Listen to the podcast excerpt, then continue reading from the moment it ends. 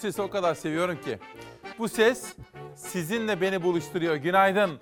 2 Kasım 2021 Salı sabahında İsmail Küçükkaya ile Demokrasi Meydanı'ndasınız. Hoş geldiniz.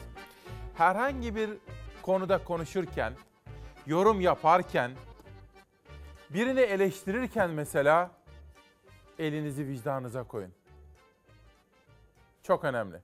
Sabahları uyanırken yalnızca zihnimizi değil, zihnimizi de, yalnızca bedenimizi değil, bedenimizi de ama vicdanımızı da uyandıracağız. Biz Çalarsat ailesinin önde gelen görevi budur. Hikayesini sizlere anlatacağım. Günaydın Türkiye'm. Her birinize sağlık dileklerinde bulunurken günün gazete manşetlerini okumaya başlıyorum. Tomakin buyurun. Sözcü. Yoksullara her ay bir kilo et dağıtacak. Saygı Öztürk, Ankara Büyükşehir Belediye Başkanı Mansur Yavaş'la röportaj yapmış. Başkentte dar gelirlere yardımlarla nefes aldıran Başkan Yavaş yeni atılımlar planlıyor. Hani derler ya eve et girmiyor diye. İşte Mansur Yavaş bunu bitirecek. Sosyal yardım alan her aileye ayda birer kilo et dağıtacak. Sadece bu değil. Ankara Büyükşehir Belediyesi bu ailelere her gün bir ekmek dağıtacak. İlk defa tarım yapacak olanlara mazot yardımında bulunacak. Ayrıca önümüzdeki ay 220 bin ailenin başkent kartına 550 lira sosyal yardım parası yüklenecek diyor. Mansur Yavaş'la Saygı Öztürk'ün yaptığı röportaj bugün Sözcü'nün birinci sayfasında manşet olarak yer almış. Gönül isterdi ki sabahları size yalnızca güzel haberler vereyim. Ama olmuyor ne yapayım? İşte LPG. LPG'ye çok yüksek bence çok yüksek oranda bir zam geldi.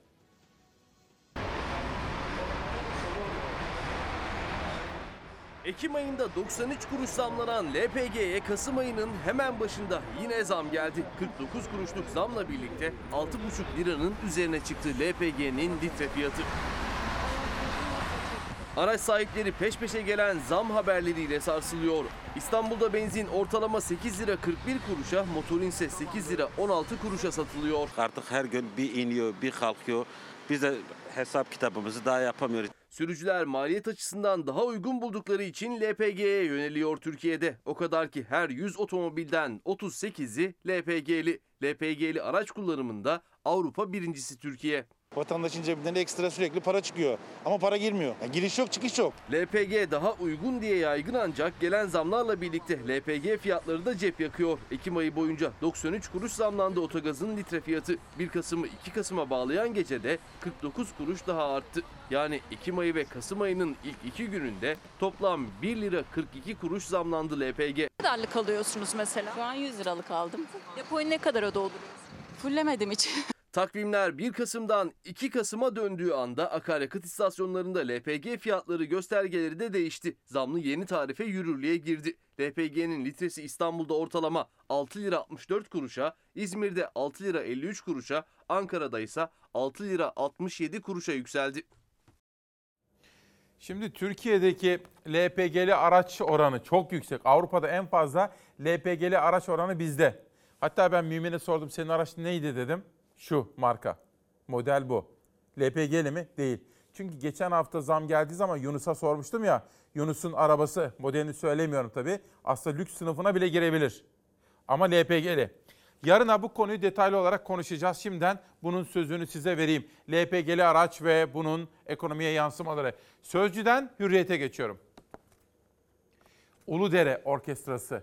Bu da Seda Nur Başpınar'ın haberi.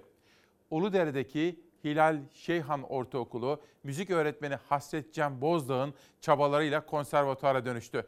Bir tane bile müzik aletinin çalınmadığı okulun şimdi öğrenci orkestrası var diyor. Bakın.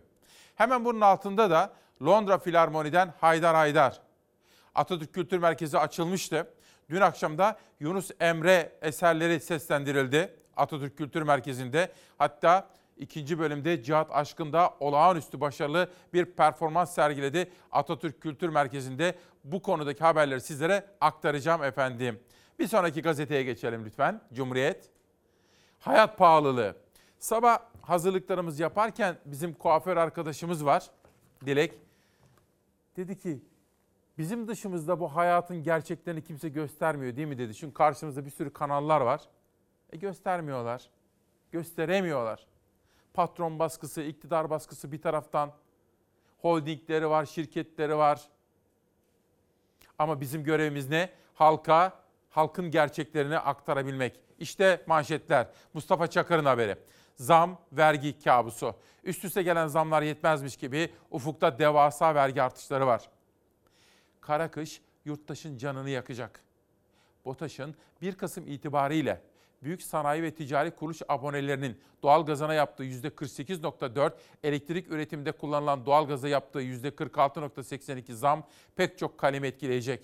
Otogaza yapılan 49 kuruş zam da bugünden itibaren geçerli olacak. Ekim ayı enflasyon rakamlarının yarın açıklanması ile gelecek yıl vergi, harç ve cezalarda ne kadar artış olacağı da netleşecek. Oranın %30'un üzerinde olması bekleniyor. Eğer Cumhurbaşkanı yetkisini kullanmazsa vergi, ceza ve harçlarda devasa artışlar yaşanacak deniliyor. İşte hayatın gerçeği bu. Bir de Erdoğan'la Biden arasındaki görüşmeler tam da dün söylediğim gibi oldu. Biraz sonra bu konuları Amerika'dan takip eden, Türkiye'yi çok iyi bilen bir arkadaşımla konuşacağım. Tam da söylediğimiz gibi oldu, beklediğimiz gibi. Ne zafer ne de hezimet.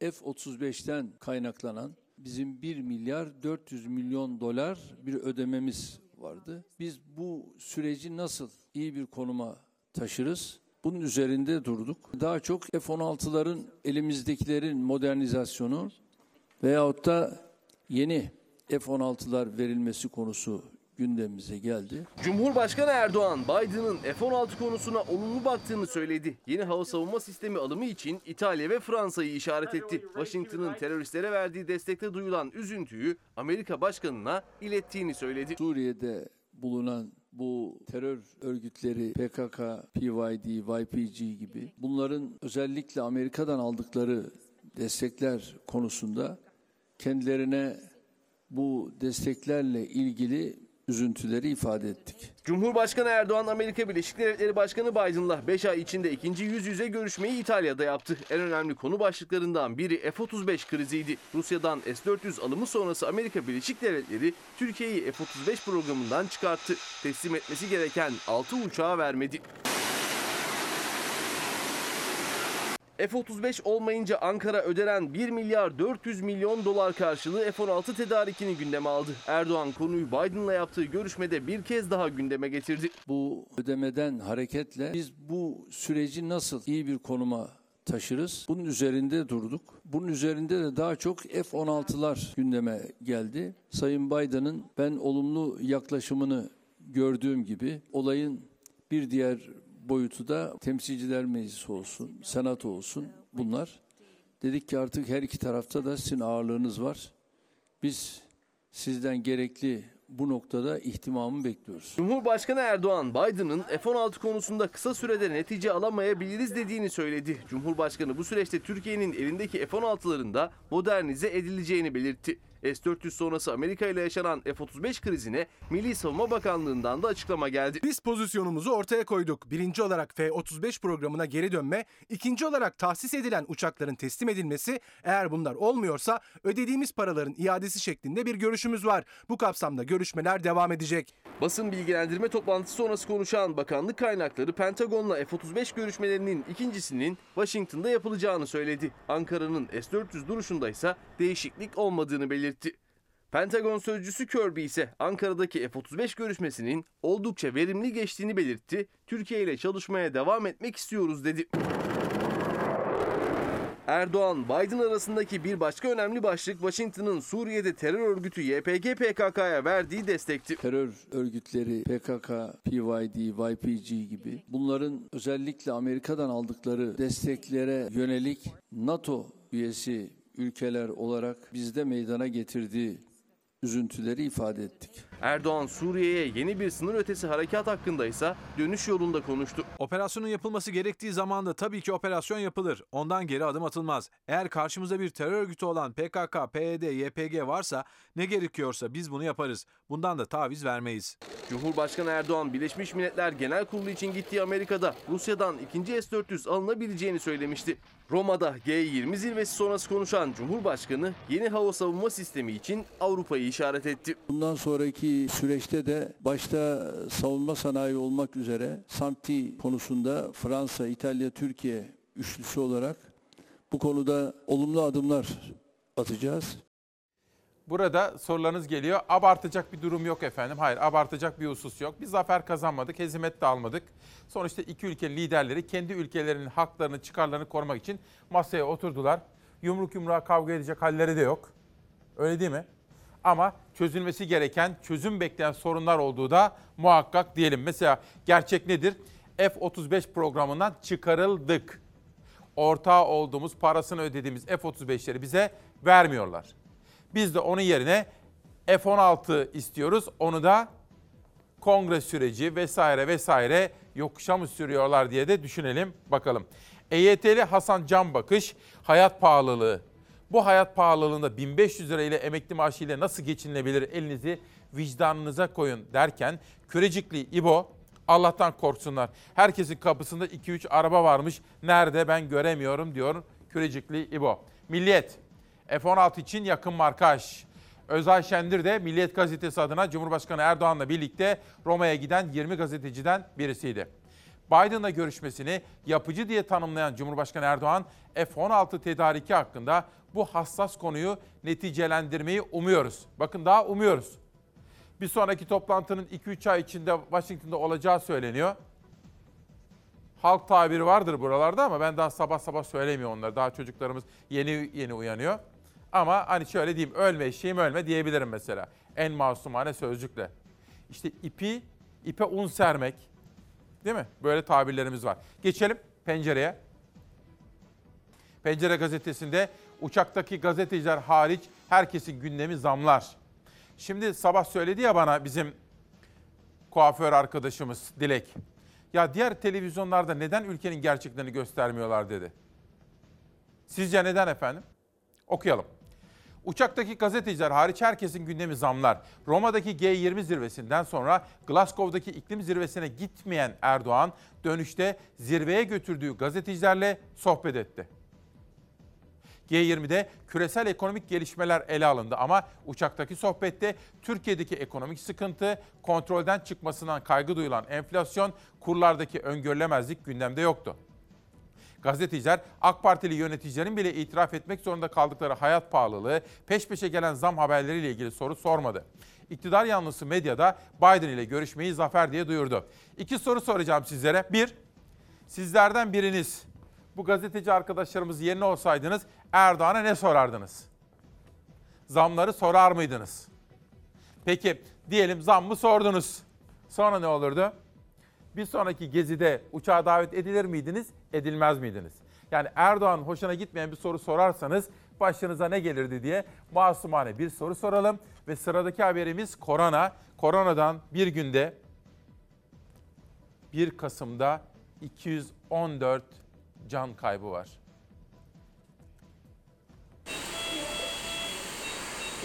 Pandeminin başından beri bu dördüncü dalga ama bu dalga fark ettiyseniz biraz farklı bir dalga. Dalgalar böyle yukarıya doğru çıkıyor, sivri bir tepe oluşturuyor sonra aşağı iniyor. Farkındaysanız bu dalganın tepesi sivri değil, yatay gidiyor. Çünkü aşılama büyük oranda salgının kontrolden çıkmasını engelliyor ama neredeyse Türkiye'nin yarısı hala aşısız. Tam da bu nedenle vaka sayısı 20 bin ila 30 bin arasında seyrediyor. 1 Kasım'da 28.678 kişi daha hastalığa yakalandı. 214 kişi koronavirüs nedeniyle hayatını kaybetti. Son verilere göre ise salgın Türkiye'de aşısız çocukların ve gençlerin hastalığı oldu. Yatmayı gerektiren ya da yoğun bakıma girmesi gereken çocuk sayımız az. E, yalnız e, çocukların aktif COVID'le temas ettiği okul hayatımıza gireli e, bir ayı biraz geçti. E, bu da şu demek, aslında biz yoğun bakım hastası göreceksek ya da MIS-C dediğimiz COVID'den sonra e, organ yetmezliğiyle çocukların başvurduğu tabloyu göreceksek Onu genelde 2 ile 6 hafta sonra görüyoruz. Yani bu 10 gün çok kritik çocuk vakaları Evet, için. evet bu 10 gün içerisinde yoğun bakıma bir yansıması olacak mı olmayacak mı bunu gözlemleyeceğiz. Çünkü bu aylar, bu haftalar kritik. Sağlık Bakanlığı verilerine göre Türkiye genelinde son bir ayda tespit edilen koronavirüs vakalarının %35'ini 19 yaş ve altındakiler oluşturuyor. Bu vakaların %29'u 10-19 yaş aralığında, %6'sını ise 0-9 yaş grubundakiler oluşturuyor. Çocuk hastaların delta varyantıyla mücadelesi de aşısızken zor. Çocuk vakaların hastaneye yatışında ve yoğun bakıma girişinde bir artış var ama bu e, pozitif vaka sayısıyla kıyaslandığında küçük kaldı. Bu bizim için iyi bir şey. Obez olan ve şeker hastalığı olan, kronik akciğer hastalığı olan çocuklar biraz bizi korkutuyor. Ağır seyreden ya da yoğun bakıma giren çocuklarımıza bakarsak genelde ilk hastalığı olan çocuklarımızın genelde yoğun bakıma girdiğini görüyoruz. Çünkü aşırı kilo ve ek hastalık hastaneye yatışlar kadar çocuklarda hastalığın yoğun bakım sürecini de hızlandırıyor. Bu nedenle de aşılanmaları önemli. Sağlık Bakanı Fahrettin Koca Twitter'dan okulları kapatmanın gündemde olmadığını söyledi. Bilim Kurulu üyesi Profesör Doktor Nurettin Yiğit'e göre de okullar kapanmamalı ama obezite ve ek hastalığı olan çocuklarda yaş sınırına bakılmaksızın aşılama yapılmalı. Gidişat şunu gösteriyor. Alt yaş gruplarında şu an için ben e, ek hastalık ve kronik hastalığı olanlar için evet bunun uygulanmasını gerektiğini düşünüyorum. 217. Bir günde yaşadığımız can kaybı koronadan kaynaklı. Ali Balta, 1730 lira ile emekli maaşı mı olur bu kadar zamdan sonra diye soruyor. E nasıl geçinsin bu insanlar? Okan Bey, uçaktakiler gazeteci miymiş? Hiçbirini tanımıyorum. Ya tabii tanımak tanımamak önemli değil. Tanımayabilirsiniz ama halkın merak ettiği sorular muktedirlere soruluyor mu, sorulmuyor mu? Ne dersiniz? O gazetecilerden birisi Erdoğan'a efendim zamlar var, hayat pahalılığı diye sorsa ne olurdu? Bir sonraki geziye ya da bundan sonraki gezilere davet edilmezdi diye geçelim ve bir sonraki manşete bakalım. Pencere. Pencereden bir manşet daha okuyacağız. Bu neymiş bakalım. Hayat TÜGVA'da Selman Öğüt'e güzel. Kamu kaynaklarını limit tanımadan kullanmakla eleştirilen TÜGVA'dan bir belge daha sızdı. O belgede iktidar yanlısı akademisyen Selman Öğüt'ün TÜGVA'daki bir projesi için Türk Hava Yolları'ndan 1500 bileti bedelsiz aldığı bilgisi yer aldı. 1500 bilet. Doğru mudur efendim? Yani bizim Milli Havayolu şirketimiz bakın bir değil, iki değil, beş değil, on değil, elli değil, yüz değil, 500 değil, bin değil, 1500 bedava bilet mi vermiş? Ben bunun doğru olmadığını düşüneyim. Doğru olmadığını umut edeyim ve bugün Türk Hava Yolları'ndan bir açıklama bekleyeyim.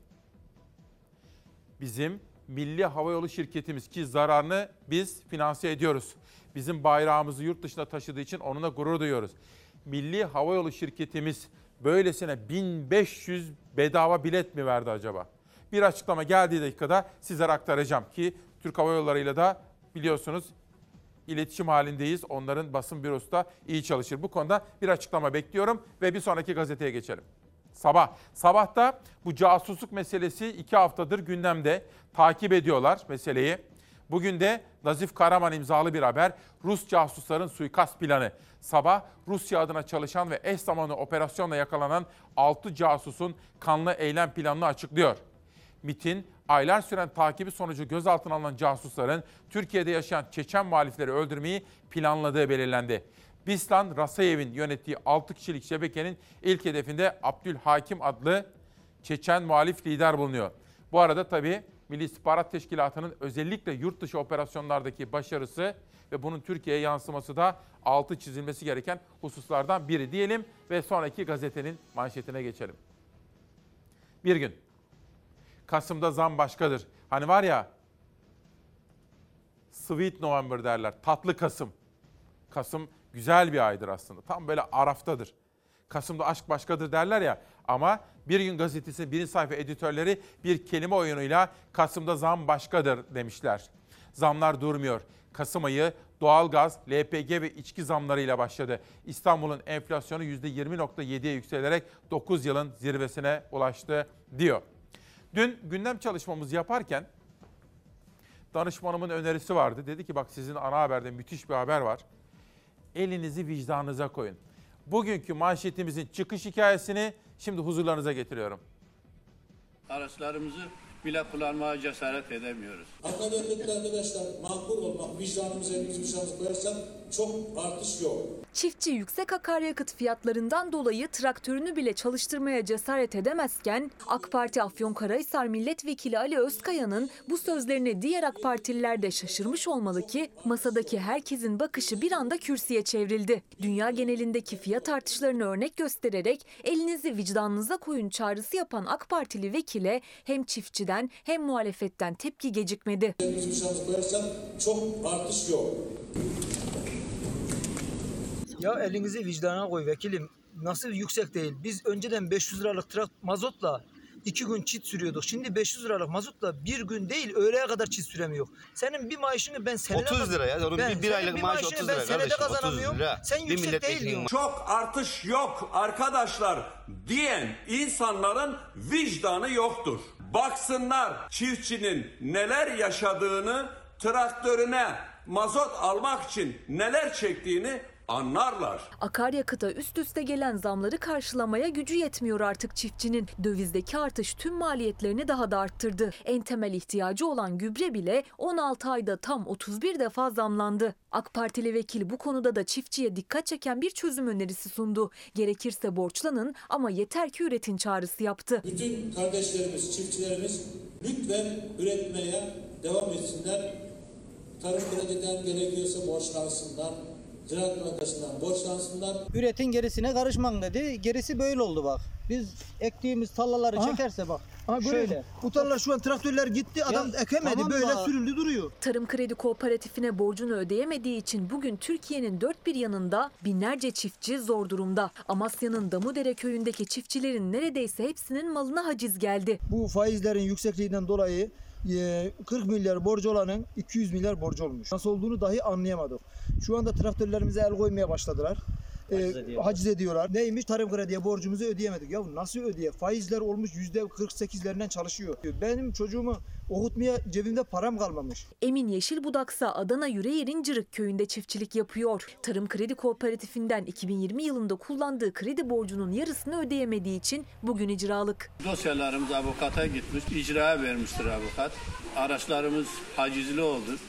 Ee, çalışamıyoruz. Bu araçlarımızı da çalıştıramazsak hiçbir şey yapamayız. Borcu yüzünden bu sene Tarım Kredi Kooperatifinden gübre de alamıyor. 600 dönümlük arazisinin artık sadece 200 dönümünü ekebiliyor. Yani artık daha az üretirken kara kara borcunu nasıl ödeyeceğini düşünüyor. Gübredeki artışın Tarım Bakanı da farkına vardı ve 2022 yılı gübre desteğinin %100 oranında arttırılacağını açıkladı. Ama çiftçiye ve muhalefete göre çözüm için çok geç kalındı. Çiftçiyi borçlanmaya çağıracağınıza faizsiz bir şekilde ve hasat sonrası ödeme kolaylığı sağlayın. Gübreyi tedarik edip çiftçiye teslim edin.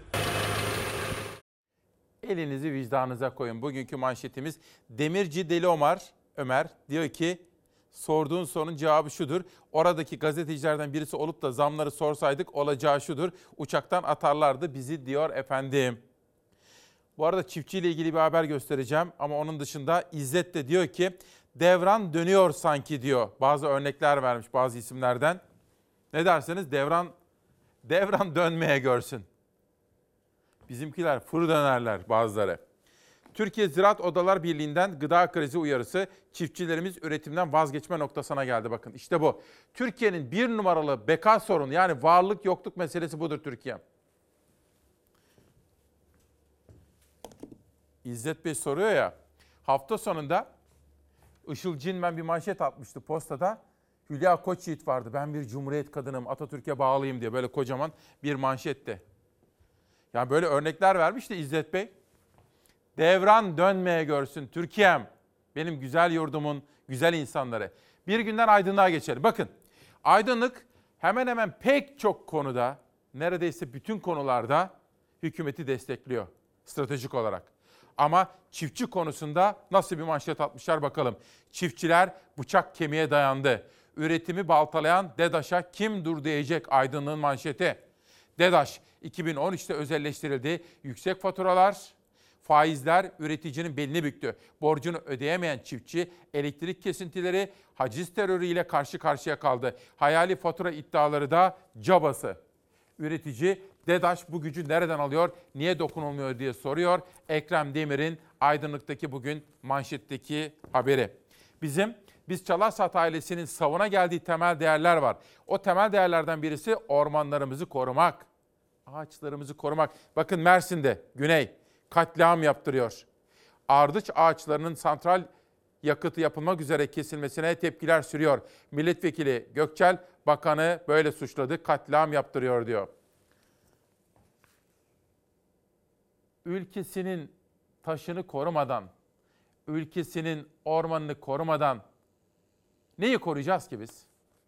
Bu ağaçları 700 yıllık ardıç ağacını enerji üretecek santrallerde yaktırmayın. Ormanımıza dokunmayın. Yeşil alanlarımıza dokunmayın. Yüzlerce yıllık ardıç ağaçlarının yakılmak üzere kesildiğini öne sürdüler. Büyümesi yıllar alan, ardıç kuşlarının tohumlarını taşımasıyla çok nadir yetişen, hatta bazı inanışlara göre kutsal kabul edilen ardıç ağaçları neden yok ediliyor? İddiaya göre biyokütle enerji santralinde yakmak için. Bağıraraktan söylüyoruz. Bu ardışlar gid- Karaman'da bir biyokütle tesisine açıkça söylüyorum. Yakıt olarak gidiyor bağırıyoruz. Bu ardıç ağaçlarının yetişmesi için en az 200 yıl gerekli. En az 300 yıl gerekli. Mersin'in Erdemli ilçesine bağlı Akpınar, Harfili, Güzeloluk ve Güney köylerinin sınırları içinde kalan 4000 dekarlık alanda ardıç ağaçlarının kesildiği iddia edildi. CHP Mersin Milletvekili Cengiz Gökçel, kesilmiş asırlık ardıçların önünde hükümete seslendi. İçinde 300 yıllık, 400 yıllık hatta 700 yıllık anıt ardıç ağaçlarının olduğu bu ormanlık alanda yerinde incelemeye geldi. Harfili, Akpınar, Güzeloluk ve Güney köylerinde yaşayan bölge halkı ağaç kesimlerinin aylardır sürdüğünü iddia etti. Anlattıklarına göre yakıldığında yüksek kalori elde edilen yaşlı ardıçlar Karaman'da bir biyokütle enerji santraline götürülüyor. Yerel yöneticilere başvurduklarını söyleyen köylü yanıt alamadık diyor. Bazı kişiler bu konuda çok sınıfta kaldılar. Çok tutarsız davrandılar. Ormanlarımızı katlediyorlar. Ormanlarımız yanıyor, söndüremiyorlar. Ama yeni ağaçlandırmada da ormanın miktarını arttırmada da maalesef sınıfta kalıyorlar. Köylü ağaçlarının kesilmesini istemiyor. Konuyu yargıya taşımaya hazırlanıyorlar. Buradaki doğal hayatı da kimsenin katletmeye hakkı da yok, haddi de yok. Dün Mersin Büyükşehir Belediye Başkanı Vahap Seçer'le konuştuk. Takip ettiğim bir iki konu var orada. Özellikle çevre konusunda, kadınlar konusunda ve yerinde de görmeye gideceğim. O zaman burayı da inceleyeceğim. Sizlere söz veriyorum efendim. Perihan Basmacı, elinizi vicdanınıza koyun ne demekti? Doğru olmaktı, yansız olmaktı, hakça davranmaktı diye soruyor. Oktay Altan da ben o gazetecilerden birisi olsaydım uçakta şunu sorardım demiş. Ama o soruyu ben Oktay Bey kardeşim teşekkür ediyorum, saygı duyuyorum ama televizyon ekranlarında burada söyleyemezdim diyelim ve bir sonraki manşete geçelim. Akşam. Bu arada dün Lale Hanım aradı. Lale Aytaman, Cumhuriyet Türkiye'sinin ilk kadın valisi. Bana bir şekilde ulaşmıştı. Ben de telefonla aradım sonra kendisini. Sizlere selamları var.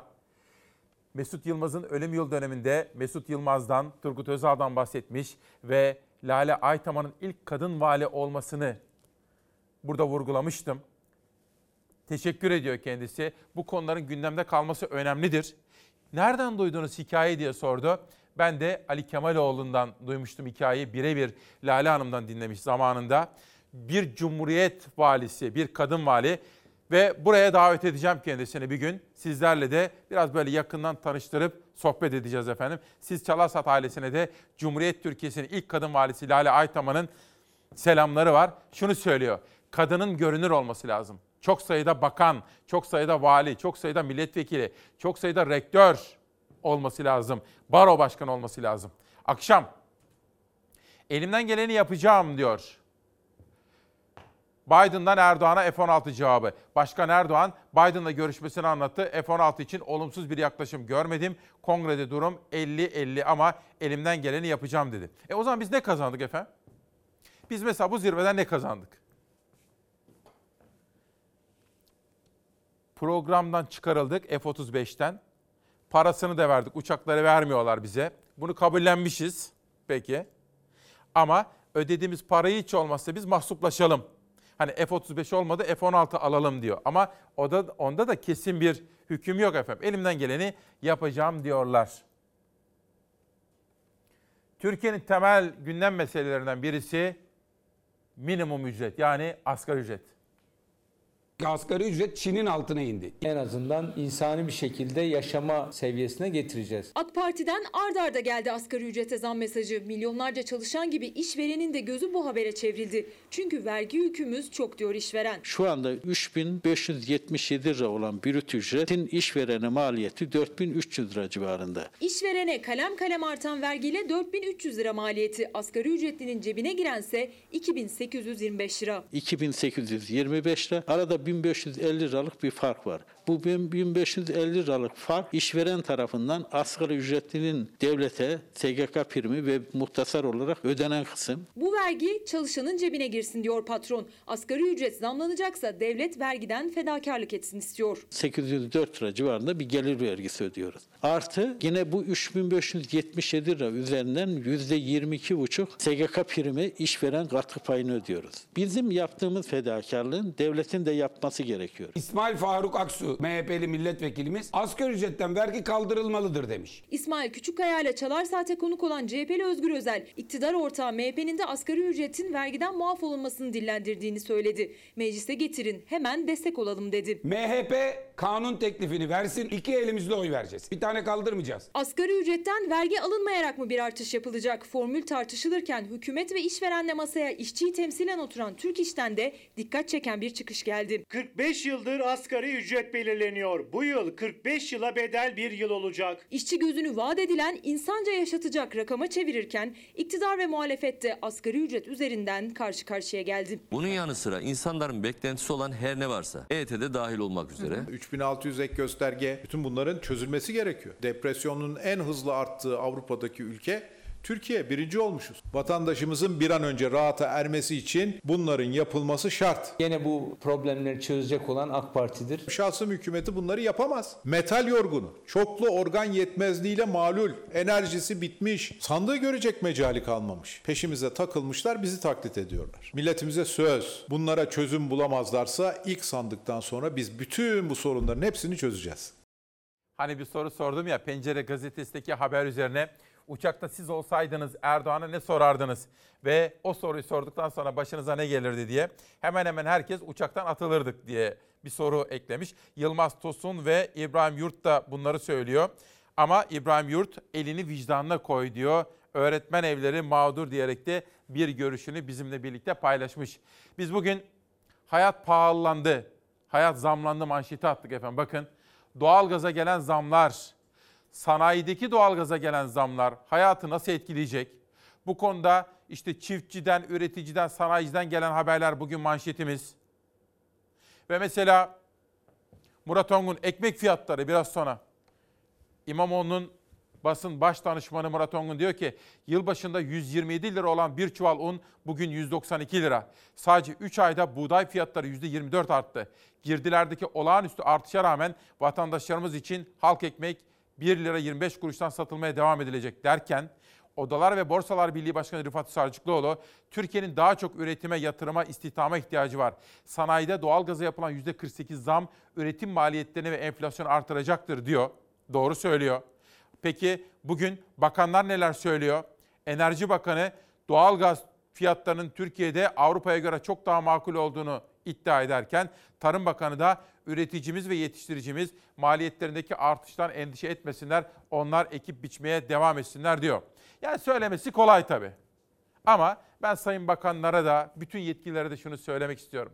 Hayat zor, gerçekten hayat zor. Bir parça daha vatandaşın yanında olmakta, onlarla sohbet edip acaba derdiniz nedir diye sormakta fayda olduğunu düşünüyorum. Bir de hani Cumhuriyet Bayramı'nı cuma günü kutladık.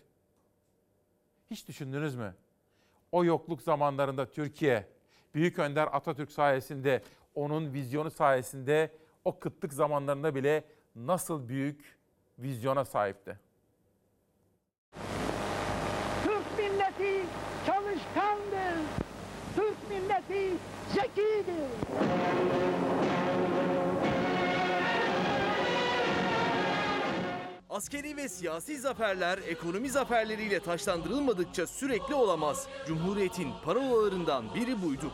Kuruluşu itibariyle ekonomide atağa kalktı genç Türkiye Cumhuriyeti. Sadece 15 yılda %197 büyüdü. Dünyanın en hızlı büyüyen ülkesi oldu. Milli gelir 1923 ile 1938 arasında %164 arttı.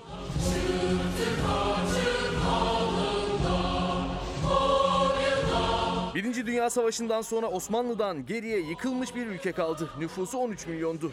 %10'u dahi okuma yazma bilmiyordu. 150 yıl boyunca sadece 417 kitap basılmıştı. Eğitim seviyesi dipteydi.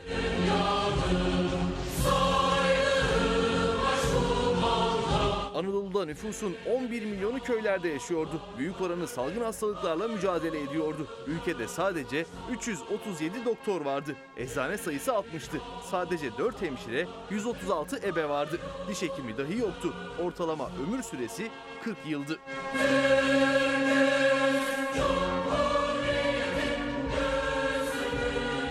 Mustafa Kemal Cumhuriyeti kurduğunda memleketin vaziyeti bu haldeydi. Ekonomi çökmüş vaziyetteydi. Tarım ilkel yöntemlerle yapılıyordu. Traktör, biçer döver yoktu.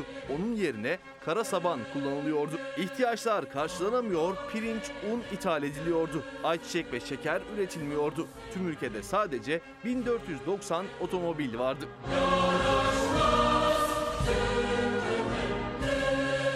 Ekonomik bağımsızlığın önemi büyüktü. Mustafa Kemal bunu bildiği için daha Cumhuriyeti ilan etmeden Şubat 1923'te İzmir'de İktisat Kongresi'ni topladı.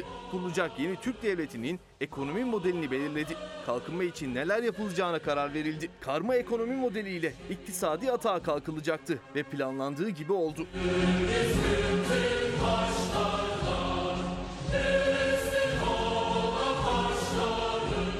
Cumhuriyetin ilan edildiği 1923'ten Atatürk'ün vefat ettiği 1938'e kadar 15 yılda 45 yeni fabrika açıldı Türkiye'de. Sadece fabrikada değil, onu destekleyecek tarım okulları, sanayi kuruluşları kuruldu. İlk 15 yılda ağır sanayi üretimi %152, toplam sanayi üretimi %80 arttı. Pamuk üretimi 70 tondan 3770 tona yükseldi. Tekstil sektörü ihtiyacın %80'ini karşılayabilir duruma getirildi.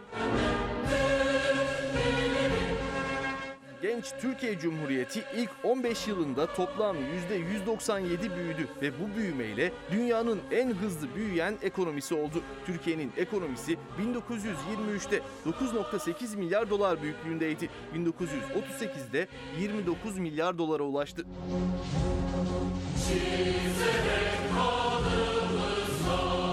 1923'ten 1938'e kadar Türkiye'nin milli geliri %164,8 arttı. 1938'de kalkınma hızı %14'e yükseldi.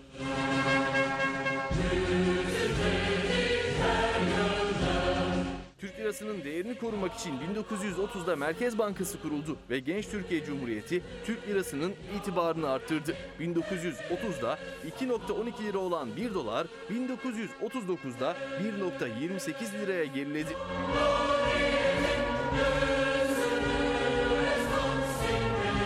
Mustafa Kemal Atatürk'ün dediği gibi askeri ve siyasi zaferler ekonomi zaferleriyle taşlandırıldı. Türk devrimi bu sayede sürekli oldu.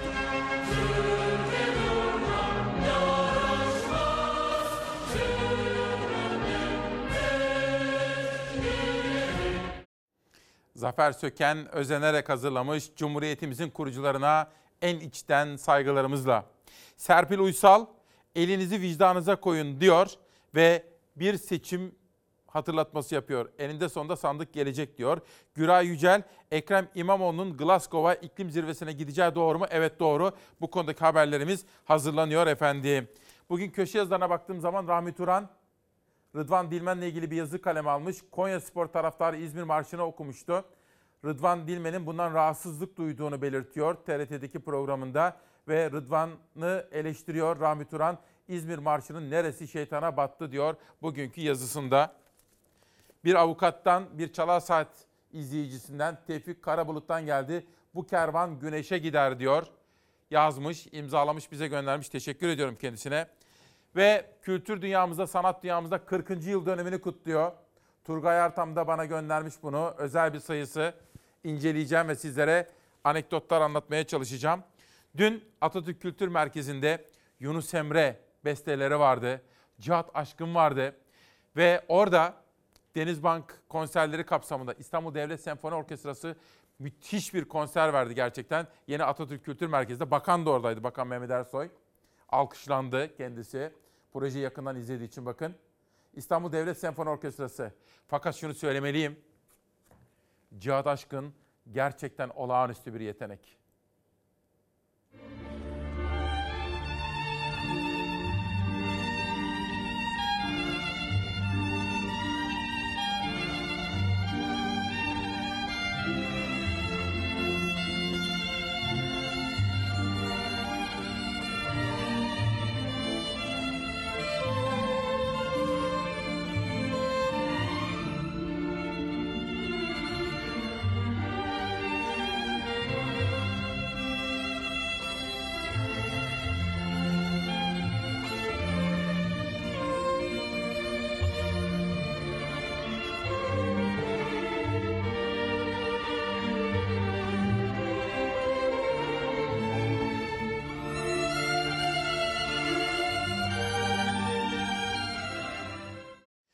Bunları kendim cep telefonumla çektim efendim.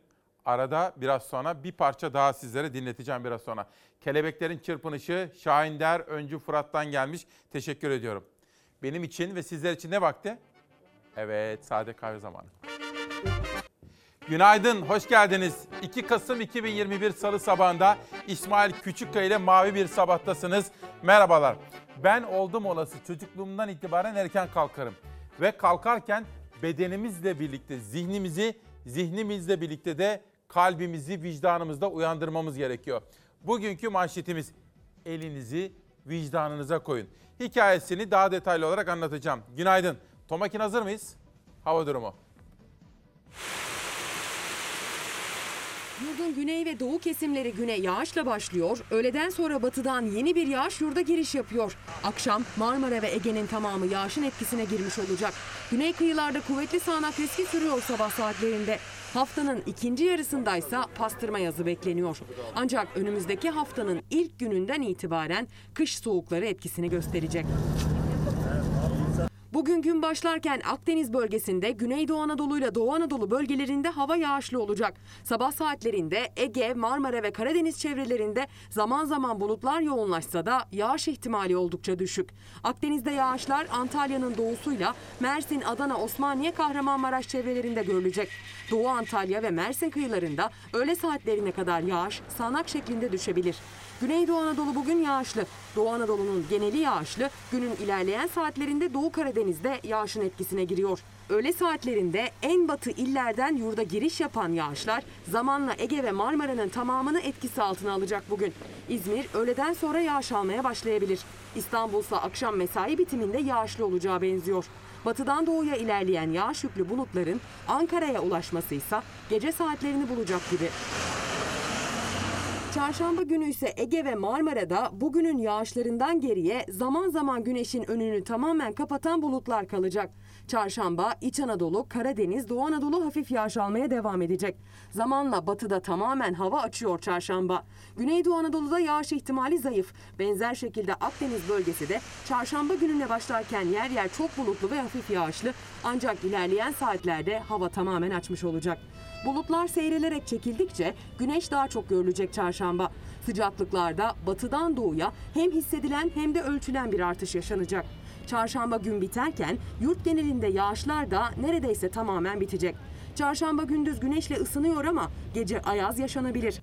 Pastırma yazı etkisinin ilk adımları çarşamba günü görülecek. Ama asıl perşembe günü bahar tadında geçecek. Cuma günü ve hafta sonunda da yurt genelinde yüksek basıncın etkisiyle gündüzler güneşli ve ılık geçecek. Ancak pastırma yazının karakteristik etkisiyle geceler de soğuk yaşanacak perşembe itibariyle. Önümüzdeki haftanın ilk günü itibariyle pastırma yazı yerini kuzeyde yağışlı ve yurt genelinde soğuk havaya bırakmaya başlıyor. Kasım ayının ikinci haftasında kış tam anlamıyla hissedileceğe benziyor. Kasım'ın son haftasındaysa donduran soğuklar etkili olabilir. Şimdiden bilmekte fayda var. Hava durumunu Çevre ve tarıma, üreticiye dair haberleri Ezgi Gözeger takip ediyor. Bakın Süleyman İskenderoğlu Diyarbakır'dan Yenişehir Ziraat Odası Başkanı mesaj yollamış. Her sabah çiftçilerden bahsediyorsunuz. Teşekkür ediyoruz diyor. Diyarbakır'da yağmur var. Buğday ekmeye başlayacağız ama gübresiz ekim yapacağız. Ya gübre fiyatları almış başını gidiyor. Bize böyle bir mesaj göndermiş efendim.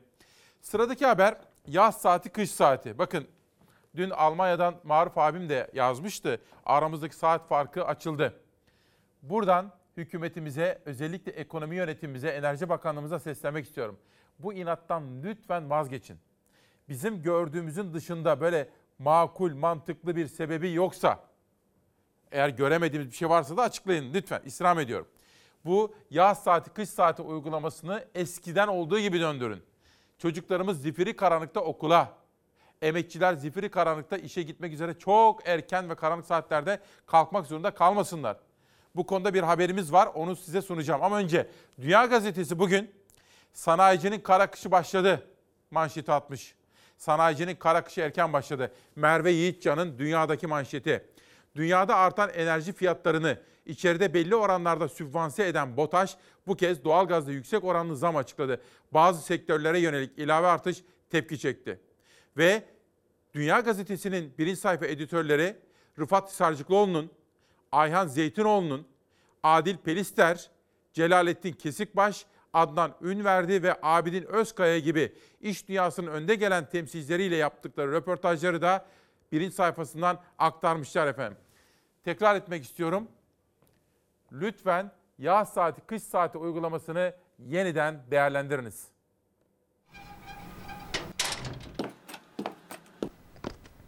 Kalıcı yaz saat uygulamasından vazgeçilseydi bugün saatleri bir saat geri alacaktık. Gün aydınlanmadan okula işe gitmek zorunda olan yurttaşlarımızı karanlığa mahkum olmaktan kurtaracaktık. Kalıcı yaz saati uygulaması sürüyor. Takvimlerden her gün bir yaprak düştükçe havada bir dakika daha geç aydınlanıyor. İşe okula gidenler için gün aydınlanmadan yola koyulma zamanı başlıyor. Karanlıkta gidiyoruz, karanlıkta geri geliyoruz. Bazı sabahlar korku filmi gibi geçiyor. 14 Mart 2016'da dönemin Enerji ve Tabi Kaynaklar Bakanı Berat Albayrak'ın aldığı kararla yaz saati uygulaması kalıcı oldu. Türkiye saat dilimini sabitledi. Sabahları gitmemiz çok zor oluyor hele bilhassa çocukların. Yaz saati uygulaması kalıcı olmasaydı 1 Kasım itibariyle saatler 1 saat geri alınacaktı. Ama uygulama sürdüğü için saatler geri alınmadı. Milyonlarca öğrenci, işçi zifiri karanlıkta yola çıkıyor. Damat Bey gitti, icat ettiği zulüm devam ediyor. CHP'li Candan Yücel meclis gündemine taşıdı kalıcı yaz saati uygulamasını. Enerji Bakanlığı'na uygulamadan geri dönülmesi bakanlığın gündeminde midir sorusunu yöneltti. Gerekçe ise milyonlarca çalışanın ve öğrencinin olumsuz etkilenmesi.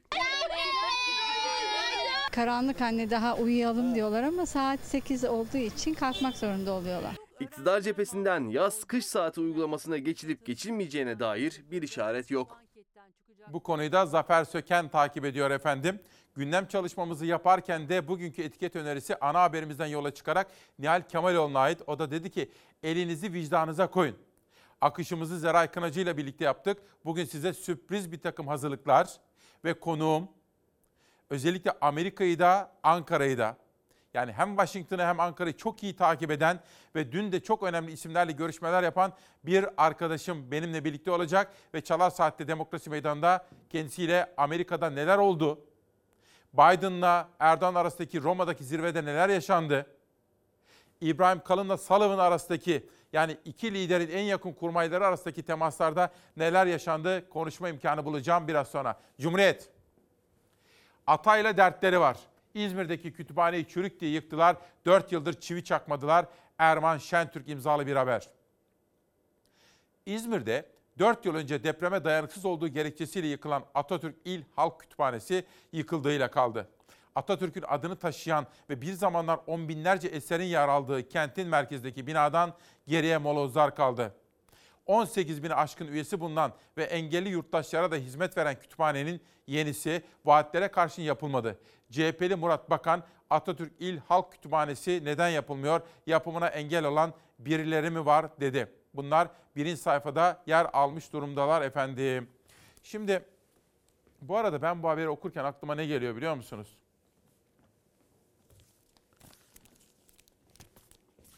Böyle haberleri hep okurken aklıma Atatürk Havalimanı geliyor. O kadar yanıyorum ki ona. Yeni havalimanı yapıldı. Teşekkür ederiz emeği geçenlere. Vatana millete hayırlı olsun. Ama onun adı Atatürk olsaydı ne kadar güzel olurdu. Öyle değil mi ya? Haberleri okurken hep aklıma geliyor. Atatürk Havalimanı gitti. Şimdi yeni havalimanı. Atatürk Havalimanı olsaydı o kadar güzel olurdu ki. Yanarım yanarım buna yanarım ya. Hep hep aklıma geliyor. Ne yapayım? Aklıma geleni de söylemeden olmaz. Akşam gazetesi elimden geleni yapacağım. Şimdi bakın bu görüşmede biz ne kazandık ne kaybettik. Dün de ifade ettiğim gibi ne zafer kazandık ne de hezimete uğradık. İki lider kendi ülkelerinin çıkarlarını korumak için bir takım görüşmeler yaptı. Anlaştıkları konular var, anlaşamadıkları konular var. Sonuçta yumruk yumruğa girecek halleri yok. İki devletin lideri. F-16 için yakın markaj. Tabii biz F-35 programından çıkarıldık. Parasını ödedik, uçakları alamıyoruz. Onun yerine bir öneride bulunduk. Biz de F-16'ları bize verin diye. Siyaset işte bu görüşmeyi konuşuyor, tartışıyor. Parayı verdik. Malı aramıyoruz. Karşılığında aldığımız S-400'ü kullanamıyoruz. Bunun adı da dünya lideri Erdoğan. F-16'yı talep etmeniz F-35'lerden çekilmeniz demektir. Cumhurbaşkanı Erdoğan Biden'la 1 milyar 400 milyon dolar ödeme yapıldığı halde verilmeyen F-35'ler yerine F-16'ları müzakere ettiklerini anlatırken umutlu konuştu. Muhalefet F-35'ten vazgeçilip F-16 pazarlığına girildi görüşünde. İsmail Küçükkaya ile Çalar Saat'e katılan Özgür Özel ise kendi paramızla rezil olduk dedi. F-35'imi versene kardeşim diyeceğine F-35 vermiyorsan F-16'lar mı yenileyip birkaç tane de yeni F-16 verir misin demiş. Bizimki karşı tarafta olabilir düşünelim zorlu tarafları var demiş. Kötüyüz. Kendi paramızla rezil olduk. F-35 uzun vadeli bir teknoloji transfer projesidir. Ceket olmadı pantolon alalım gibi bir model içerisinde tanımlamak son derece yanlıştır. Roma dönüşü uçakta konuşan Erdoğan F-16'lar için kongre ve senato engeline karşı Biden'ı cesaretlendirdiğini anlattı. S-400 konusuna girmedi. Muhalefet ise F-35'lere tepki olarak Rusya'dan alınan S-400 savunma sisteminin Erdoğan-Biden görüşmesinde kırmızı çizgi olduğunu iddia etti. ABD açıklamasının başındaki çiçeklere rağmen S-400 kırmızı duvar vasfını koruyor ve duvarın üzerindeki tel örgüde de demokrasi, insan hakları ve hukuk düzeni var. Bu duvarın üzerinden atlayamazsın. Yıkılması için adım atacak olan da sensin Erdoğan denilmiş. Yersen. S-400 Kuzeydoğu Suriye politikası konusunda yine ortada tabii ki bir anlaşma yok. Cumhurbaşkanı Erdoğan'ın Biden'la görüştükten sonra Birleşik Krallığa bağlı İskoçya'nın Glasgow kentinde yapılan liderlerin iklim zirvesine neden gitmediği de merak edilmişti. Erdoğan açıklık getirdi. Türkiye'nin protokol hassasiyeti dedi ama gerekçesi muhalefeti tatmin etmedi. Roma'da görüşemeseydi Glasgow'da görüşmek istiyordu. Bugün başka şeyden bir arıza çıkardılar. Artık Glasgow'a gitmekten vazgeçti. Glasgow'da liderler zirvesi için talep ettiğimiz güvenlik protokolü standartlarının son anda karşılanamayacağı bize söylendi. Daha sonra bizim geri çevrilen talebimizdeki standartların başka bir ülke için istisnai olarak sağlanabildiğini öğrendik. Biz de gitmekten vazgeçtik. Nihayetinde bu sadece kendi güvenliğimizle ilgili değil, ülkemizin itibarıyla da ilgili bir meseleydi. İklim, çevre, koruma bunlar bahane. Biden'la fotoğraf vermek şahane. Roma olmazsa Glasgow, Roma olursa İstanbul. Erdoğan'ın Roma ziyareti, Biden'la masaya yatırılan başlıklar F-35 ve F-16'ların akıbetiyle siyasetin merceği altında. Bu da Ankara büromuzdan Kemal Aktaş'ın haberi efendim. Bu arada Türkiye Genç İş Adamları Dernek Başkanı Nil- Nilüfer Çevikel bir açıklama yaptı. Biraz önce Dünya Gazetesi'nden okumuştum ya farklı iş dünyasından. Doğalgaza yapılan bu zamlar üretim maliyetlerini artıracağı için sanayicinin ulas- uluslararası çapta rekabette elini zayıflatacak diyor Nilüfer Çevikel. Doğru. Bu kadar maliyetler arttıktan sonra nasıl rekabet etsin bizim iş dünyamızın temsilcileri diyelim ve Cumhuriyet'ten Türk Günü'ne geçelim.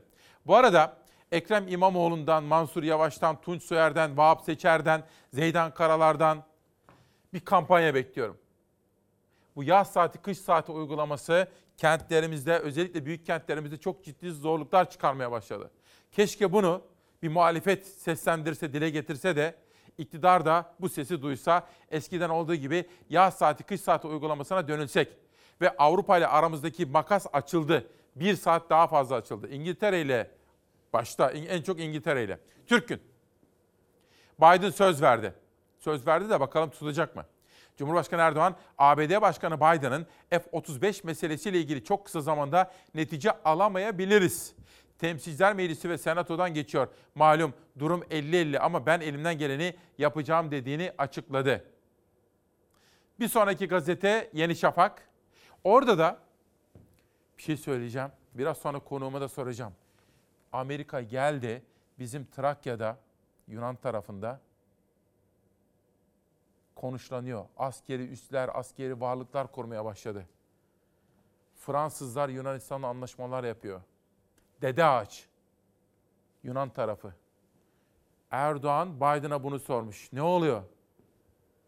Bu Dede Ağaç olayı nedir? Biden ve Macron'a tepki. Cumhurbaşkanı Erdoğan, Dede Ağaç'a askeri yığınak yapan ABD ve Atina ile askeri anlaşma yapan Fransa'ya tepkisini G20'deki görüşmelerde dile getirdi. Roma dönüşü gazetecilerin sorularını cevaplayan Erdoğan, Sayın Biden'a da Macron'a da bu konuyu söyledik.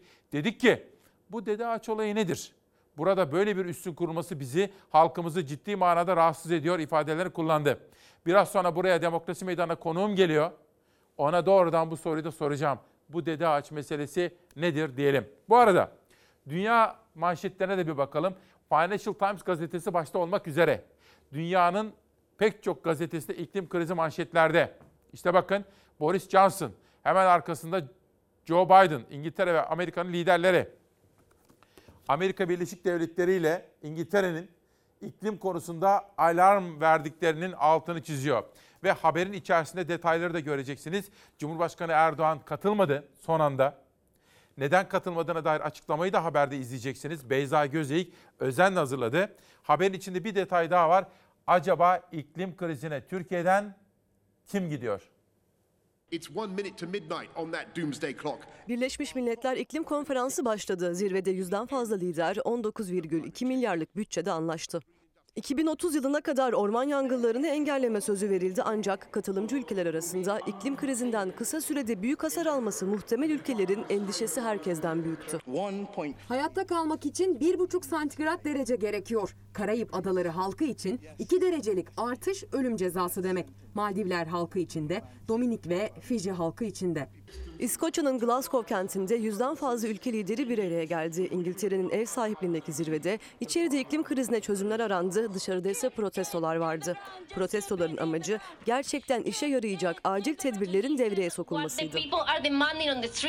İklim kriziyle mücadele için yüzün üzerinde lider toplamda 12 milyar dolar kamu, 7,2 milyar dolar özel sektör finansmanı taahhüt etti. Hedefte küresel ısınmanın önüne geçmek var. Ancak bazı ülkeler coğrafi konumlarından ötürü felaketlere daha yakın. Karayip Adaları, Barbados, Fiji ve Dominik için tehlikenin büyüklüğüne dikkat çekildi. We are disappointed that others feel we still have time. İngiltere Başbakanı Boris Johnson, kıtlık ve bölgesel yok oluş kapıda diyerek tüm ülkeleri harekete çağırdı zirvenin açılış konuşmasında. Kıyamet yaklaşıyor dedi. It's one minute to midnight on that doomsday clock, and we need to act now. If we don't get serious about climate change today, it will be too late for our children to do so tomorrow. Birleşik Krallık'tan milyonlarca ton sera gazı salınımı yapan fosil yakıt projelerine aktarılan paraların ortaya çıkmasının ardından Johnson'ın iklim zirvesinde üzerine düşen taahhütleri nasıl ve ne kadar gerçekleştireceği merak konusu. Dünya liderleri zirvenin ilk gününde kraliyet ailesi üyelerinin resepsiyonuna katıldı. Liderler aile fotoğrafı çekimi için bir araya geldi. Birleşmiş Milletler İklim Değişikliği Konferansı'na katılmayan Cumhurbaşkanı Erdoğan, güvenlik taleplerimiz yerine getirilmediği için katılmaktan vazgeçtik dedi. Öte yandan Glasgow'daki zirveye davet edilenler arasında İstanbul Büyükşehir Belediye Başkanı Ekrem İmamoğlu da vardı. İmamoğlu'nun katılımını İstanbul Büyükşehir Belediyesi Sözcüsü Murat Ongun duyurdu. Evet zirveye Ekrem İmamoğlu katılıyor efendim. Bu arada Savaş Yıldız'la birlikte seçtiğimiz yerel gazete manşetlerinde acaba neler var şimdi okuyacağız. Ama önce Osman Öndeş Moda. Kadıköy'ün gün görmüş sayfiyesi. Böyle kapsamlı bir çalışma yapmışlar ve bana da göndermişler. Kendilerine teşekkür ediyorum. En son Yeni Şafak'ta kalmıştık Dede Ağaç. Ya ne oldu acaba Dede Ağaç? Şimdi Amerika oraya iki senedir gelip gidiyor. Bizimkilerin aklı yeni mi başlarına geldi diye bir soru. İki, diplomasi dünyasında hep şunu konuşuyorlar. Dün haber kaynaklarımla yaptığım temaslarda da. Ya böyle pazarlık olur mu? Biz kurucusu olduğumuz, ortağı olduğumuz ve para verdiğimiz tedarikçisi olduğumuz F-35'ten çıkarıldık. Bunun faturasını kim ödeyecek? Nerede bizim harici kültürümüz? Böyle korakor mücadele edenler. Peki o programdan çıkarıldık. Ödediğimiz parayı almak için pazarlık yapıyoruz. O parayı bize F-16 verin, mahsuplaşmaya çalışıyoruz. Ya bizim eski harici kültürümüz devrede olsaydı bunlar olmazdı, inanın bana. Sözcüden bir manşet. Gelsin arkadaşlar. Bizim heh, 3 eski genel başkanların Erdoğan'a suç duyurusu. Fahrettin Öztürk'ün haberi. CHP ve SHP'nin eski genel başkanları Altan Ömen, Hikmet Çetin ve Murat Karayalçın, Erdoğan'ın Kılıçdaroğlu'na linç girişimini mecliste izletmesini yargıya taşıdı. Cumhurbaşkanı Erdoğan hakkında 4 ayrı iddiayla İstanbul'da suç duyurusunda bulundu diyor. Bu arada Sözcü Gazetesi'nin birinci sayfa editörleri Serpil Yılmaz'ın Paker, Can Paker'den Osman Kavala yorumlu haberini de anons etmişler. Oradan sizlere küçük bir pasaj, bir özet okuyacağım efendim. Bir tartışma var. Ekrem İmamoğlu dedi ki İstanbul'da şu kadar mülteci var. Valilik de dedi ki o kadar değil aslında. Rakamlara dikkat edin. İstanbul'da kaç mültecinin yaşadığının hem resmi rakamlara hem de İmamoğlu'nun açıkladığı rakamlara lütfen dikkat ediniz.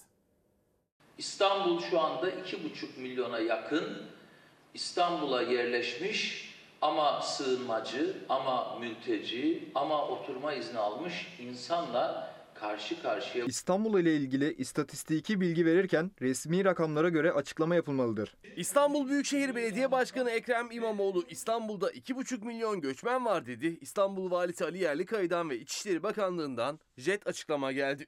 İstanbul Büyükşehir Belediye Başkanı Ekrem İmamoğlu'nun 2,5 milyona yakın yabancının yaşadığı yönündeki açıklaması İstanbul ilindeki gerçek durumu yansıtmamaktadır. Belki de en dramatik göçün tam göbeğinde bir kentte bulunmaktasınız. İstanbul'daki göçmen sayısını 2,5 milyon olarak açıkladı Ekrem İmamoğlu. 6-7 yılda ulaşıldı bu sayıya diyerek. O 2,5 milyon nüfus sadece ve sadece 6-7 yılda olgunlaşmış bir nüfus. 2013'lerde 14'lerde başlayan bir sürecin bir anda 2,5 milyona e, ulaştığını düşündüğümüzde aslında ne kadar dramatik ve süreci zorluklarla e, yönettiğimizin bir e, karşılığıdır diye düşünebiliriz. İstanbul Büyükşehir Belediye Başkanı İmamoğlu'nun 2,5 milyon göçmen çıkışına İçişleri Bakanlığı Göç İdaresi Başkanlığı'ndan da açıklama geldi. Resmi rakamları açıkladılar.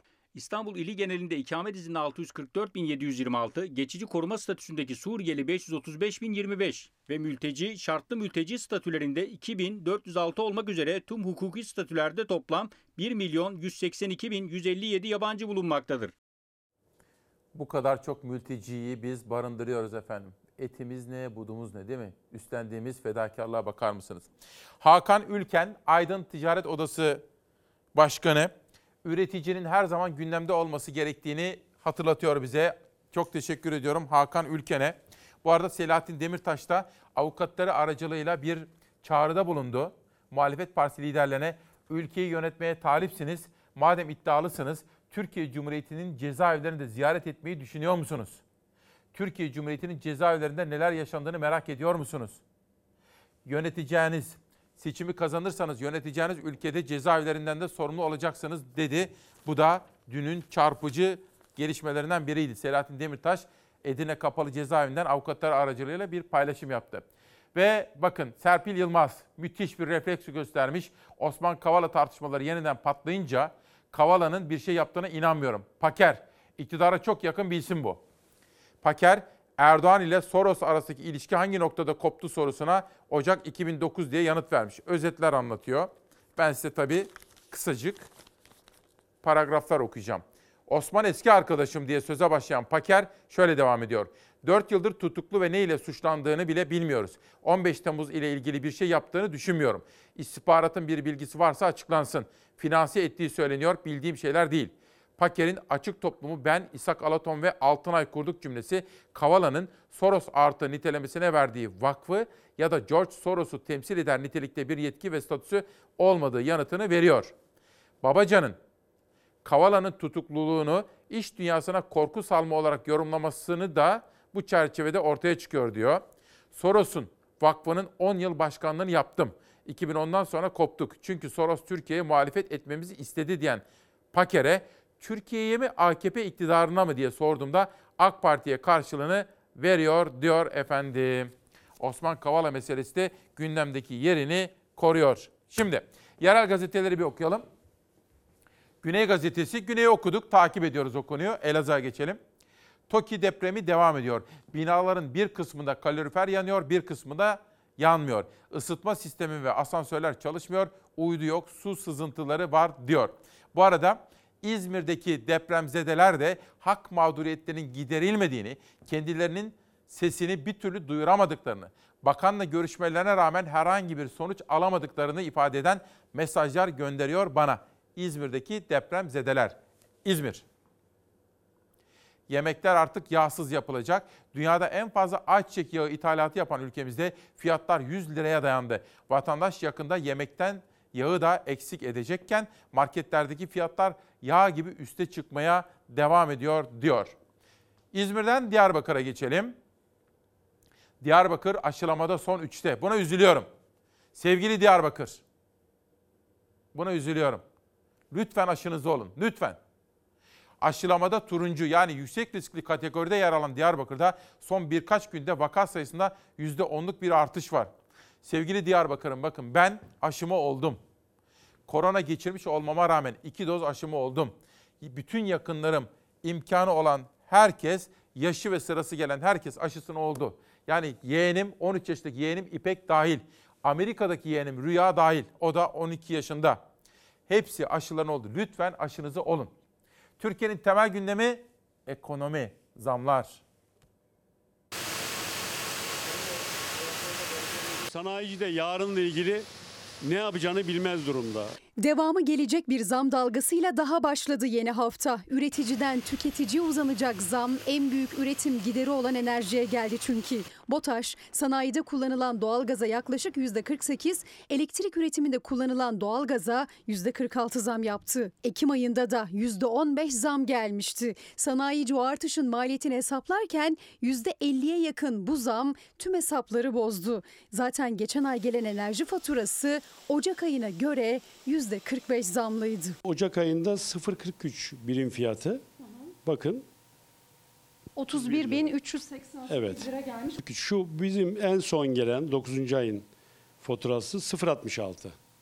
Bu da 45 45 bin liraya. ürettiğimiz ürünleri fiyatlandırırken maliyet tablosuna koyduğumuz zaman çok ciddi anlamda e, sorun yaşıyoruz. Türkiye'nin daha çok üretim, yatırım ve istihdama ihtiyacı var. Sanayide doğalgaza yapılan %48 zam üretim maliyetlerini ve enflasyonu arttıracaktır. Üretim ve yatırıma daha fazla destek olup sanayimizin rekabet gücünü korumalıyız. Zammın üretim ve istihdamı etkileyeceği mesajları da gelmeye başladı işverenlerden. Hükümeti hemen her konuda destekleyen TOB'un başındaki isim Rıfat Hisarcıklıoğlu üretim maliyetinin enflasyonu tetikleyeceğini hatırlattı. BOTAŞ'ta zammı sadece sanayiye yaptık, hanelere yansıtmadık diyerek tüketiciye olumlu mesaj vermeye çalıştı ama enerjiye gelen zam hep aynı noktaya çıkıyor. Üretimi etkileyen zam yine tüketici fiyatlarına yansıyor. Üretim üzerindeki baskısı çok fazla. Bu sadece bu mu?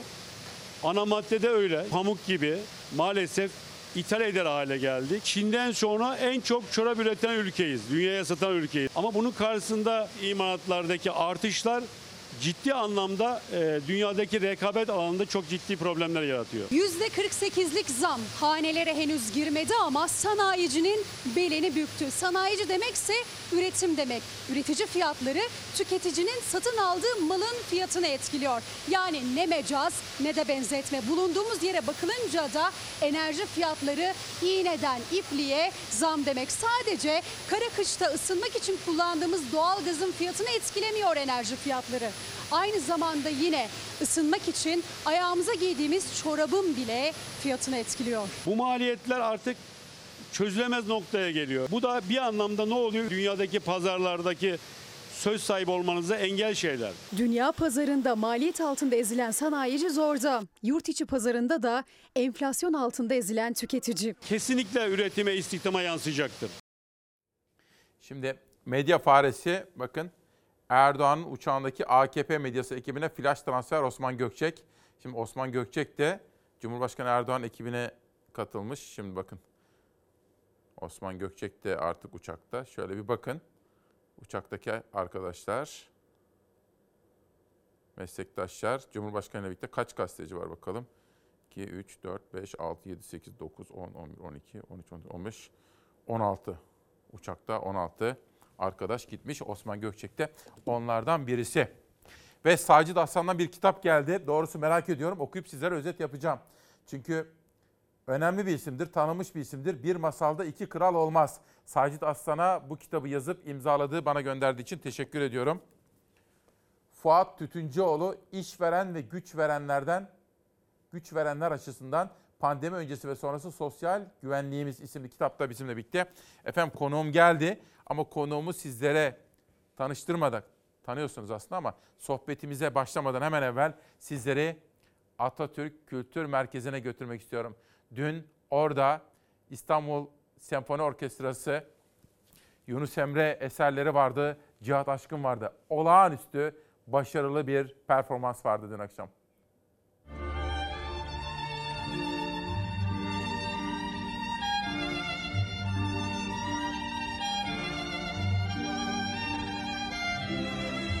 Beyoğlu Kültür Yolu Festivali kapsamında etkinlikler devam ederken Atatürk Kültür Merkezi'ndeki unutulmaz konserler de hız kesmiyor. Dünya ünlü keman virtüözü Cihat Aşkın sanatseverlerin kulaklarının pasını sildi.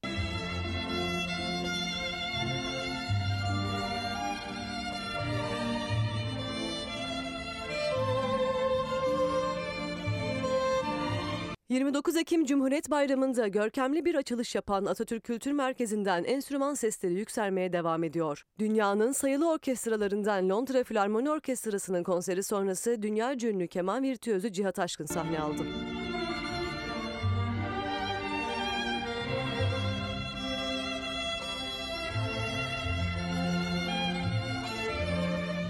Kemanı ile büyüleyen aşkının İstanbul Senfoni Orkestrası eşliğinde hasretinle yandı gönlüme yer verdiği anlar sanatseverlere unutulmaz anlar yaşattı.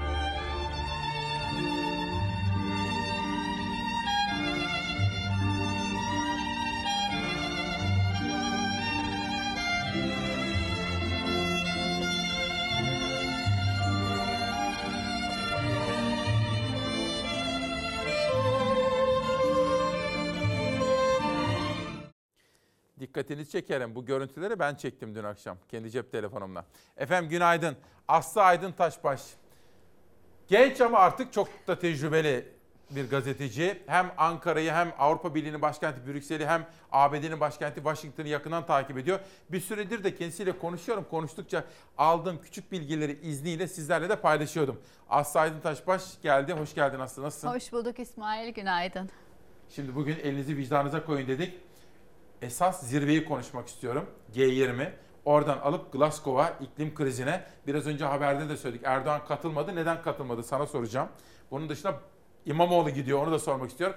Gelin bakalım arkadaşlar tweetleri Aslı Aydın Taşbaş'la ne oldu, neden oldu, nasıl oldu anlamaya çalışalım. Bir, Şimdi daha vahimi dün Biden-Erdoğan görüşmesi sırasında bizi ABD ile savaşa sokanlar mı isterseniz, İsrail Güneydoğu'da toprak alıyor diyenler mi, Dicle ve Fırat'ı ele geçiren Batılılar mı, her türlü komplo teorisi analiz diye anlatılıyor.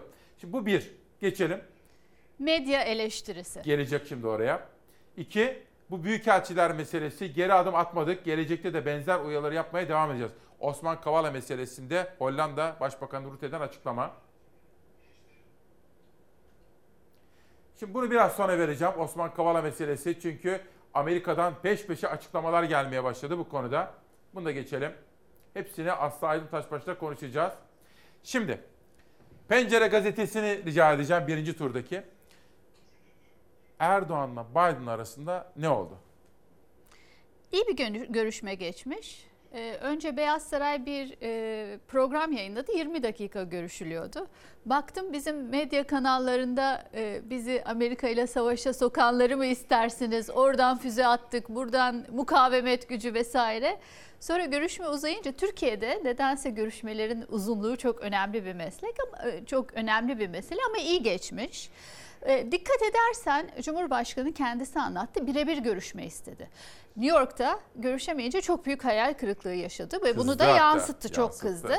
Burada da birebir görüşme istemiş ve Biden kurumsal bir ilişki istiyor. onun ısrarıyla Dışişleri Bakanları, istihbarat başkanları, heyetler de yani kız dar kapsamlı heyetler de görüşmeye katılmış. Çünkü bence e, Erdoğan Biden'la bir yol arıyor.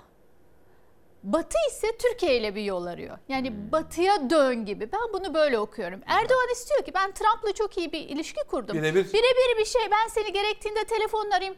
Batı da diyor ki bir, bizim burada bir kurumsal bir sistemimiz var. NATO'su var, işte değerler var, kongresi var, parlamentolar var, Bakanlar var. bakanlar var. Hani ben heyetlerle görüşelim demiş. Bu çok önemli. Ama ben gene de Türkiye'nin Amerika ile bir yol tutturması gerektiği, bir yol araması gerektiğini düşünüyorum. Bu anlamda doğru işi yaptı Cumhurbaşkanı ısrarla görüşmeye çalışarak. E, bu sadece F-16 aldım, e, Biden'la konuştum, Biden'ı tavladım meselesi olmamalı. Çünkü Türkiye Rusya ve ABD dengesinde çok savrulmaya başladı. O denge bozuldu. Yani Rusya'ya fazla tabi olmadı ama sıkıştı. Suriye'de sıkıştı, Ukrayna'da sıkıştı. Bunu dengelemek zorunda. Ve gönül ister ki bu sadece Putin'le görüştüm şimdi Biden'la yani sürekli böyle bir pimpon diplomasisi olmasın. Onun ötesinde Türkiye gerçekten de kurumlarıyla Batı'nın 1945 yılından beri bir parçası olduğunu hatırlasın ve içeride de en azından hani çok uluslu e, gruplar, iklim müzakereleri, hukuk devleti gibi nosyonlara geri dönmek için bir kapı aralasın.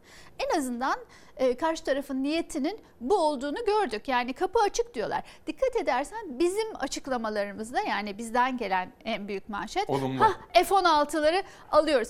Ya bu mesele sadece F-16 olmamalı. Yoksa F-16'yı aa, satarlar elinde sonunda. Para kazanacak. Para kazanacak, büyük paralar kazanacak. Evet. Yani sadece içerideki paramız değil, onun ötesinde de Türkiye para ödeyecek. Ee, Amerika'dan gelen açıklama ise Türkiye ile konuştuk diyor Beyaz Saray. Olumlu geçti. Hukuk olumlu geçti diyor. Kesinlikle içerideki kimya iyiymiş. Evet, ben evet. bunu duydum. Bu İki güzel, taraftan da duydum. Çok önemli. Dediğim gibi çok önemli. Türkiye'nin bir dengeye ihtiyacı var.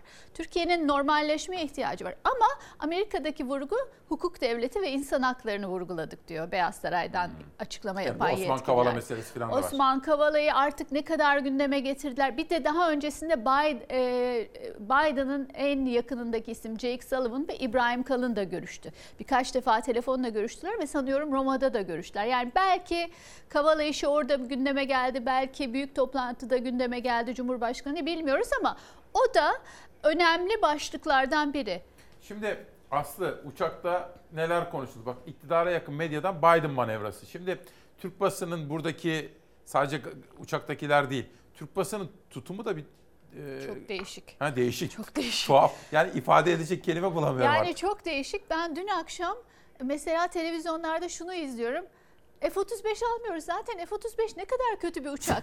F-16 ne kadar iyi bir uçak diye böyle informa, e, informa e, çeşitli grafiklerle F-35'e diyor e, uzman arkadaş girdiğinizde diyor çalıştırmak için pin kodu gerekiyor diyor Amerika'dan geliyor. F-16'da böyle bir sorun yok diyor. Yani bu hani eski model telefonla yeni model telefon gibi hani yaptık Evet, bir bir stratejik karar verildi.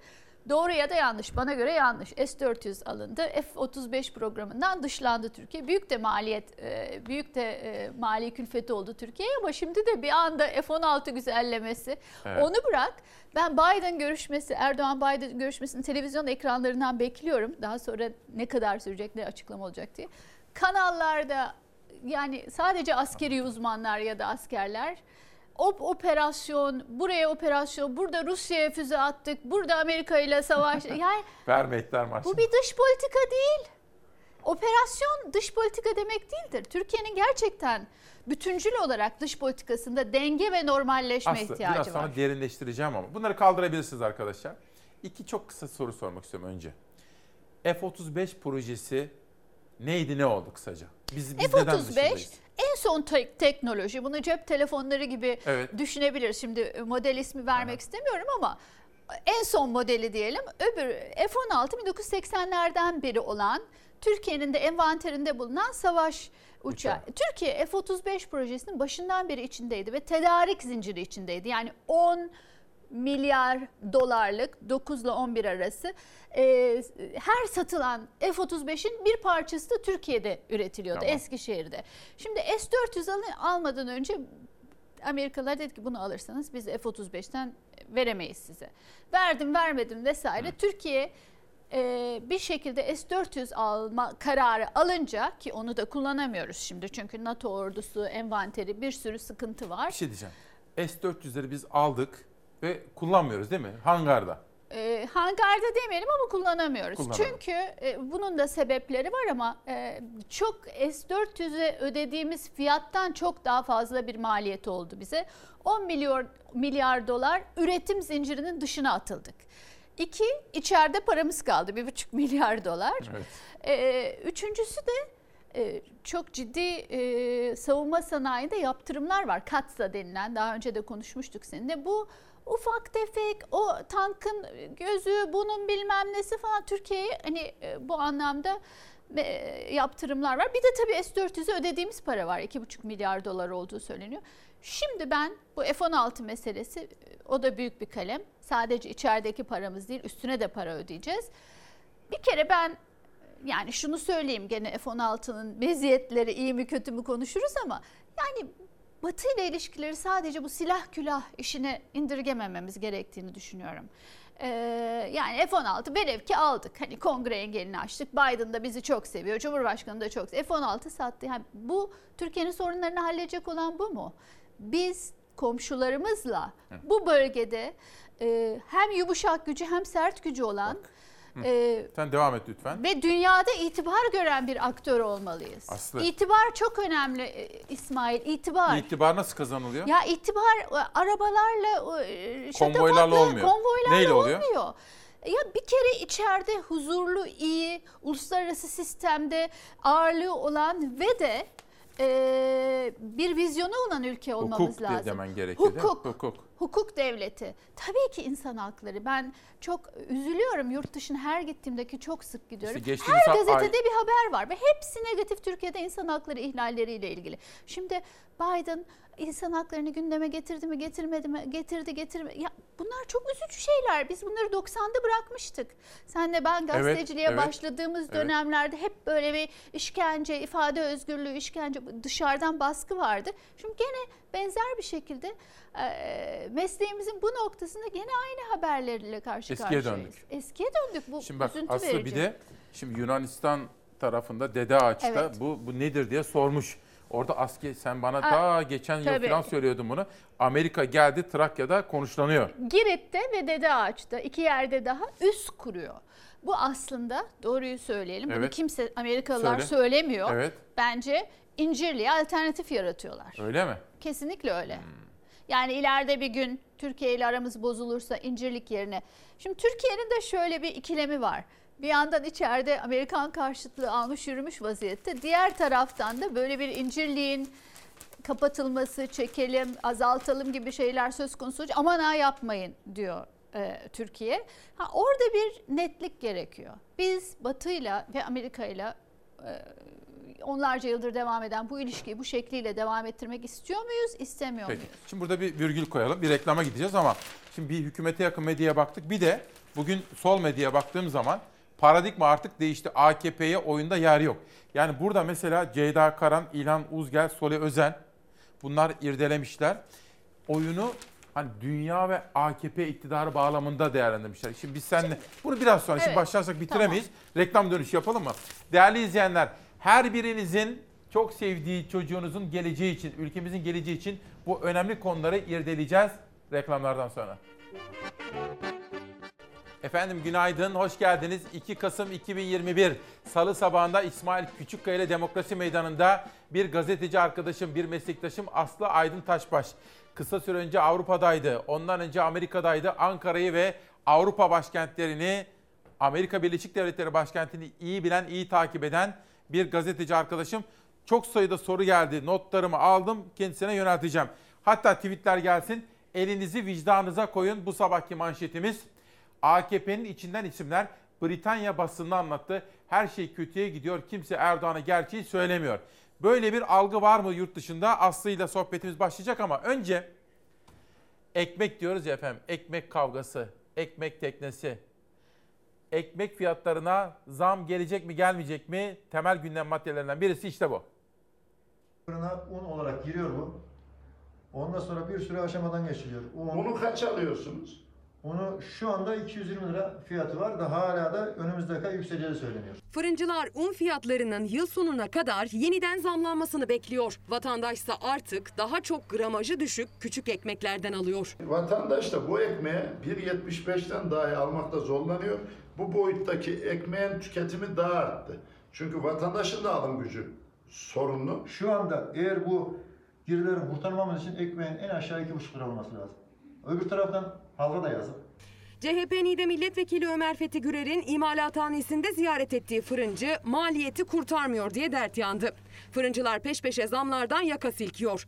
Buğdayın üretimi düşüp ithalatı artınca vatandaş ekmeğe daha çok ödüyor diyor Gürer. Kuraklık bu yıl buğday üretimini 20 milyon tondan 17 milyon tona kadar düşürdü. Buğday yetmedi, ithal edildi.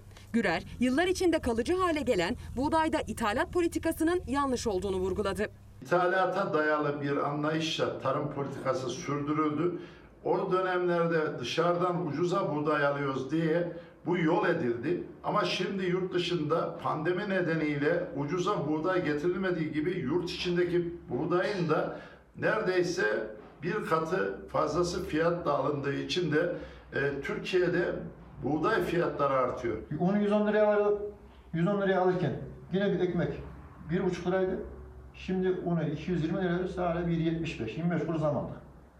Yani bizim girdiğimizde %100 zam gelirken biz sadece %25-%30 zam almış olduk. Una zam üzerine zam geliyor. Nideli fırıncı yıl sonuna kadar 50 kilosuna 220 lira ödediği unun fiyatının 250 liraya kadar çıkmasını beklediğini dile getirdi. Bugün yine bir un firmasıyla görüştüm. Bugün 220.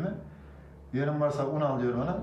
Yılbaşına bu 250 lira olur bunun diyor. Fırıncılar una bir kez daha zam gelirse dükkanı nasıl çevireceğini kara kara düşünmeye başladı. Akıllarda hep kapatıp gitme düşüncesi. 50 yıllık iş yerimizi kapatmak zorunda kaldık. Maliyetini karşılıyor mu ekmek üretimi? Mümkün değil. Şu fiyatlarla bu gelen zamlardan dolayı kesinlikle karşılamıyor.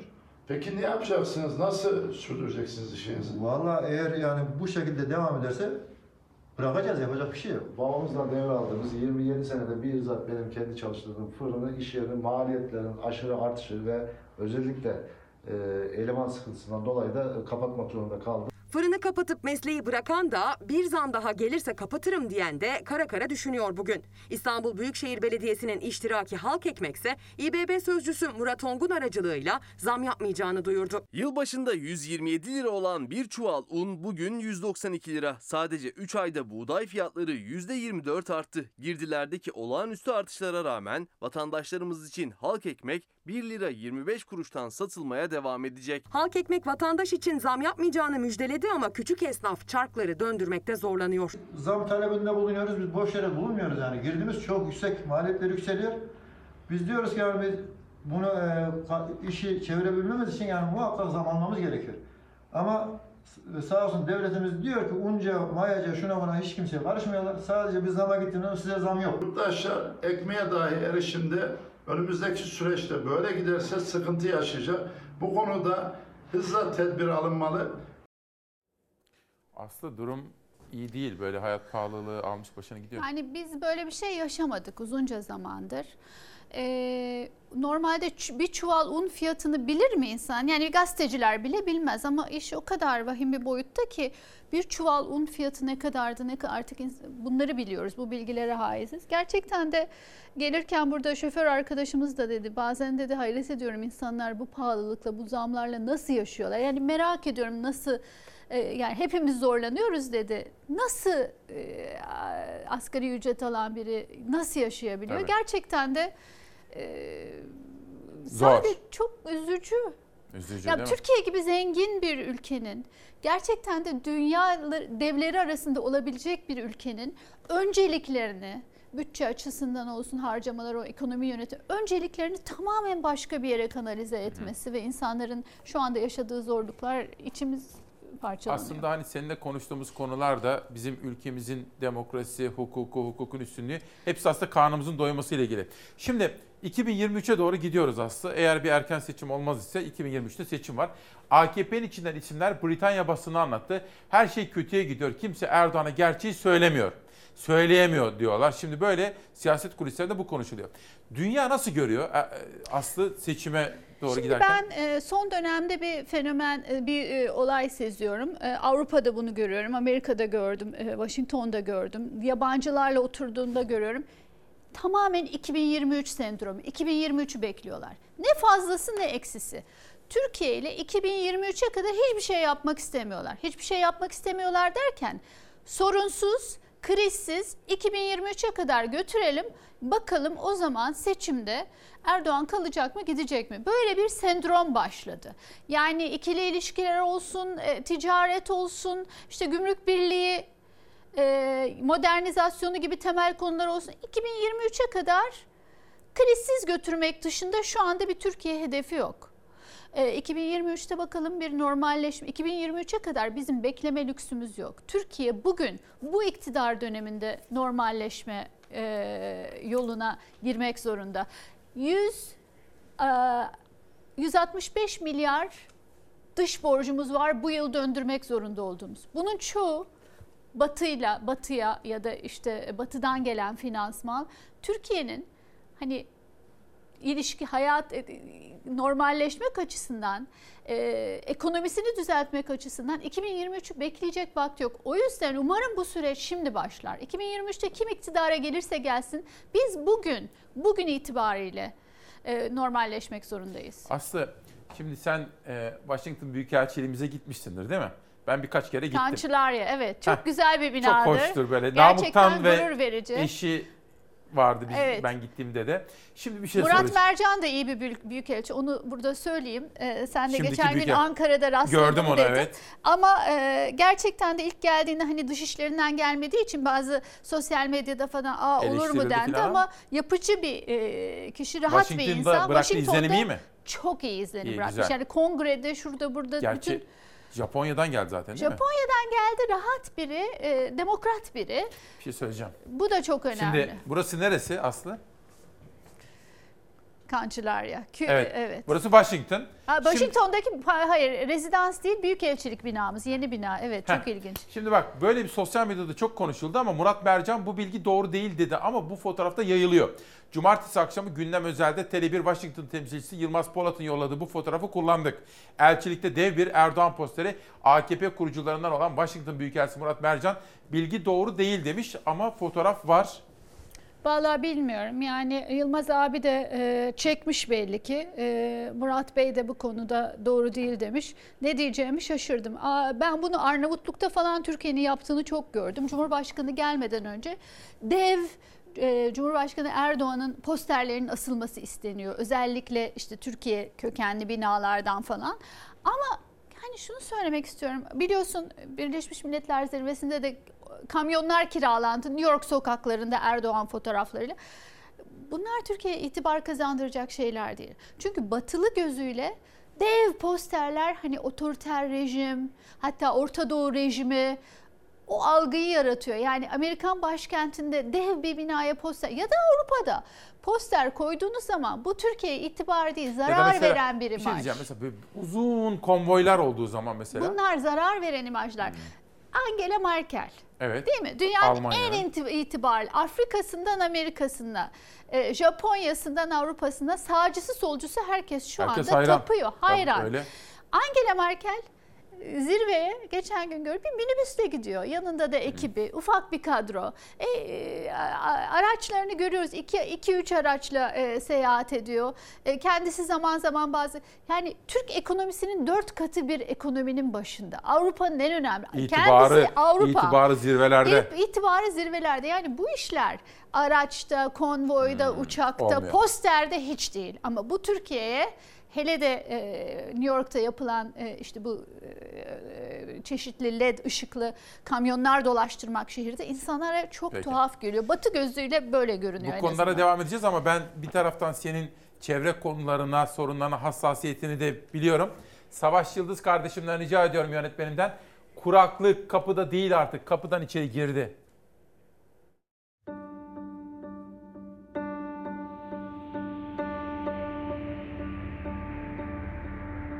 Göllerden geriye kuru toprak kaldı. Türkiye'nin yerüstü ve yeraltı su kaynakları alarm vermeye devam ediyor. BBC Türkçe ekibi göller yöresindeki kuraklığı görüntüledi. Ankara ve İstanbul'un barajlarında da durum vahim. Bahçe sulasam böyle üzülüyor. Hani insanlara zararı mı olur? Su tükenir mi? Bu suda su akmaz mı diye öyle düşünüyor. Dedemizin mesleğini aldık, sürdürmeye çalıştık. Buraya kadar geldi.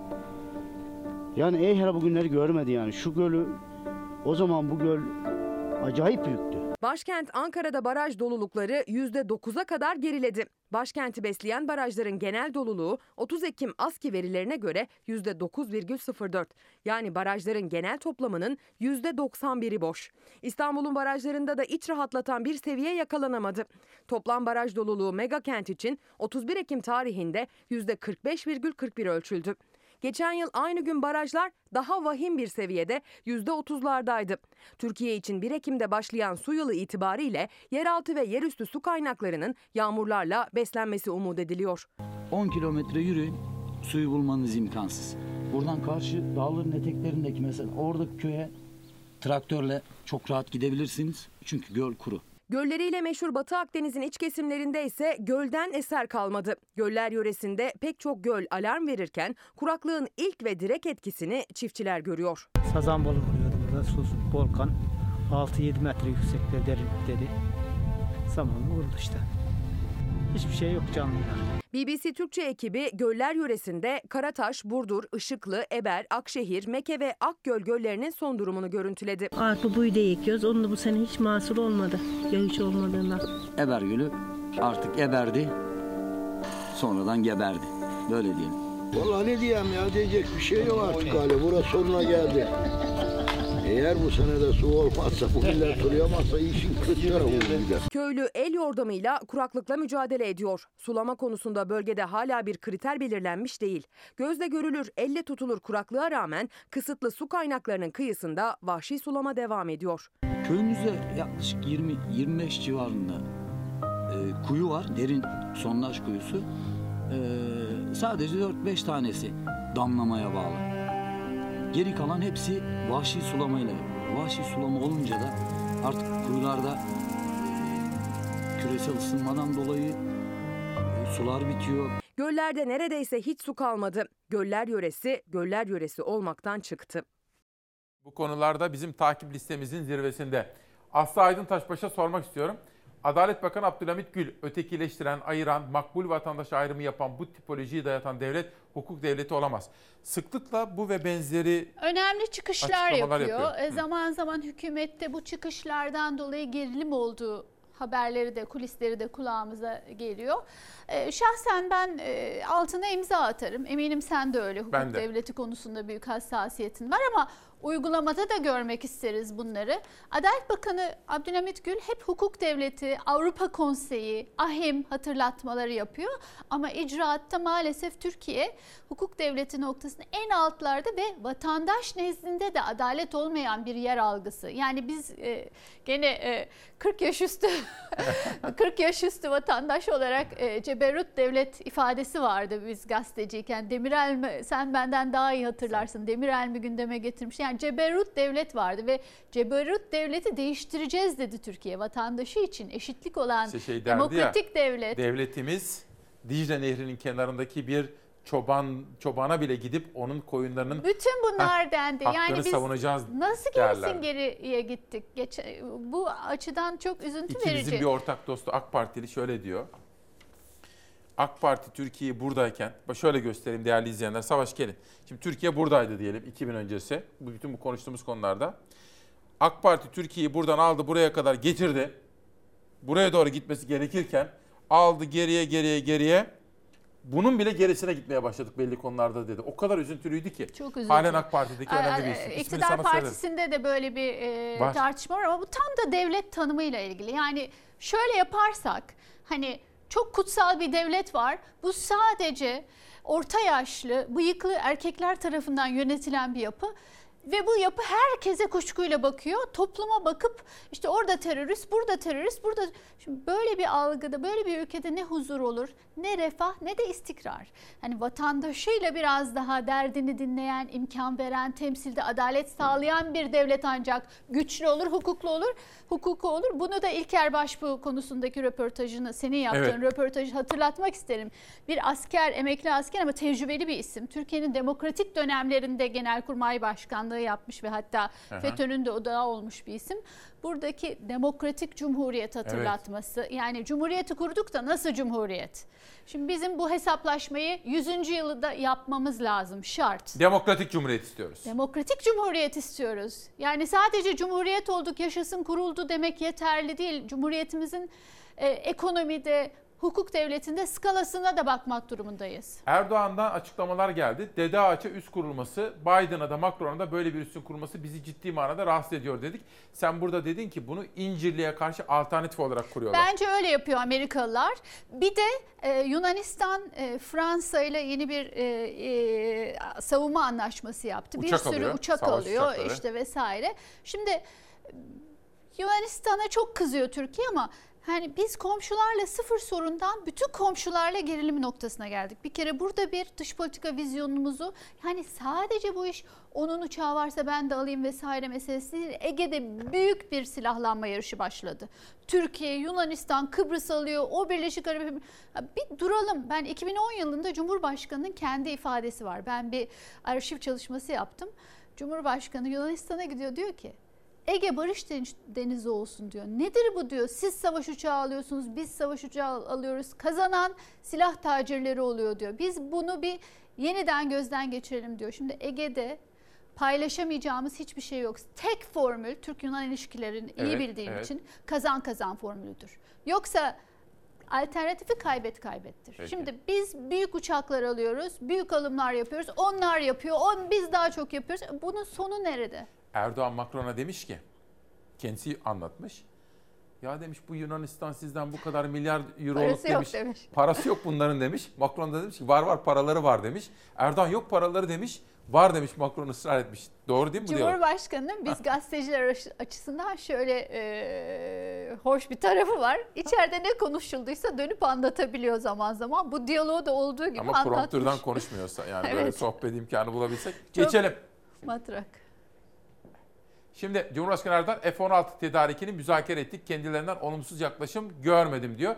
Aslı F-16'ları bir sürecin sonunda alabileceğimiz kanısında. Olabilir. Yani eğer Türk-Amerikan ilişkisini sadece F-16'ya indirge, indirgeyeceksek Türkiye'nin Batı ile ilişkisini eninde sonunda satarlar. Yani biraz direnirler, biraz beklerler, biraz Türkiye'den ama yani ben bu Biden'la görüşmenin safi bir F-16 konusu olmaması gerektiğini düşünüyorum.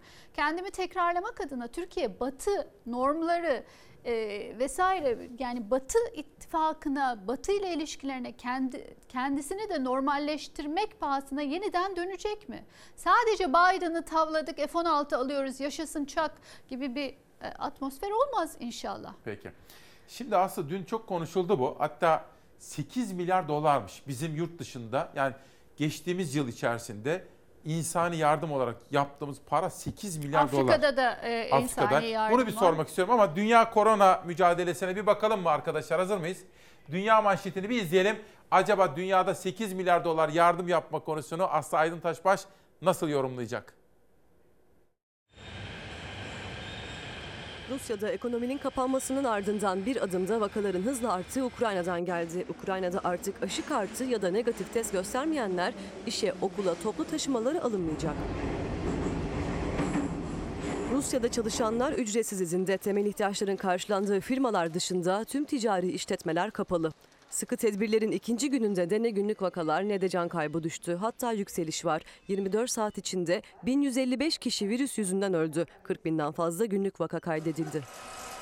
Ukrayna'da da koronavirüs rüzgarı her zamankinden sert esiyor. Nüfusun aşılanma oranı %17'de kaldı. Günlük vakalar tırmandı.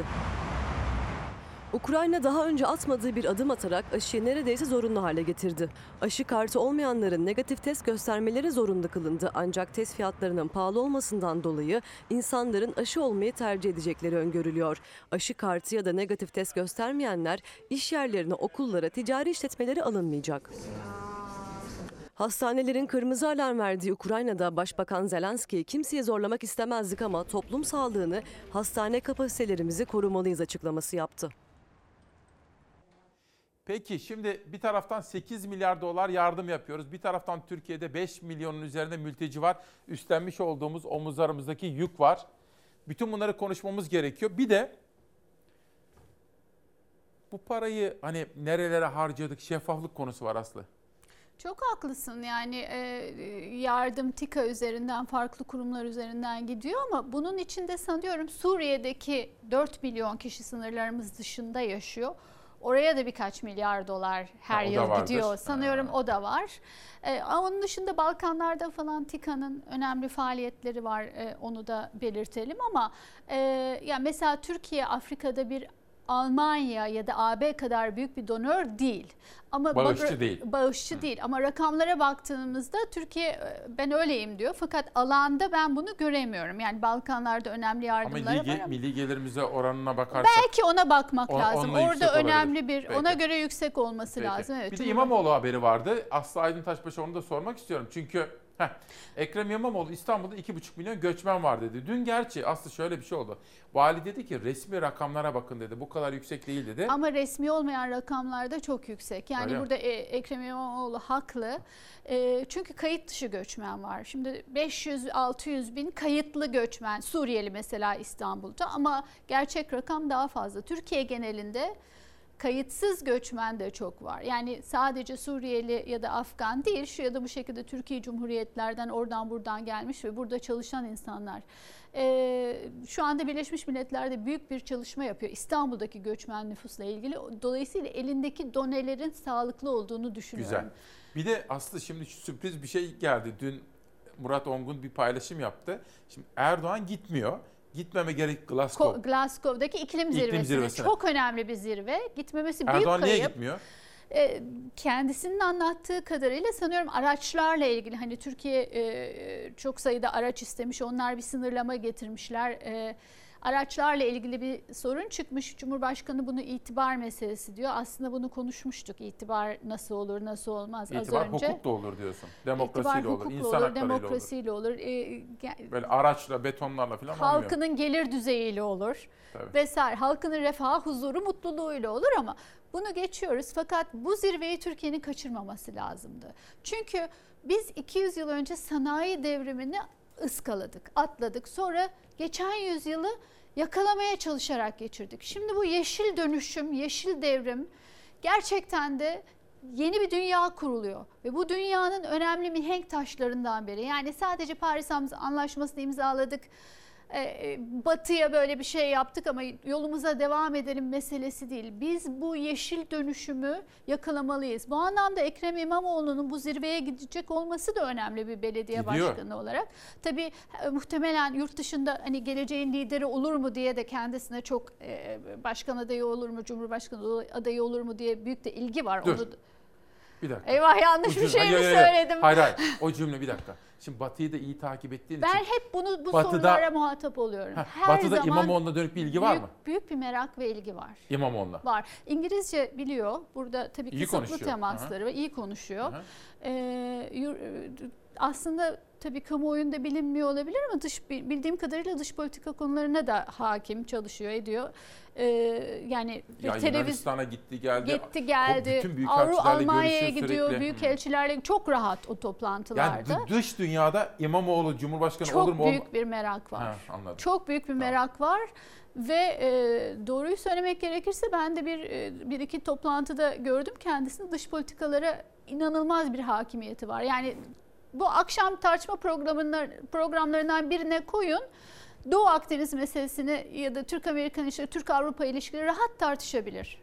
Peki. Benim için şaşırtıcıydı bu bunu görmek. Oda TV'de manşet olarak var. Erdoğan'ın katılmadığı zirvede Türkiye'yi İmamoğlu temsil edecek diyor. Bunu yorumladık. Geçelim.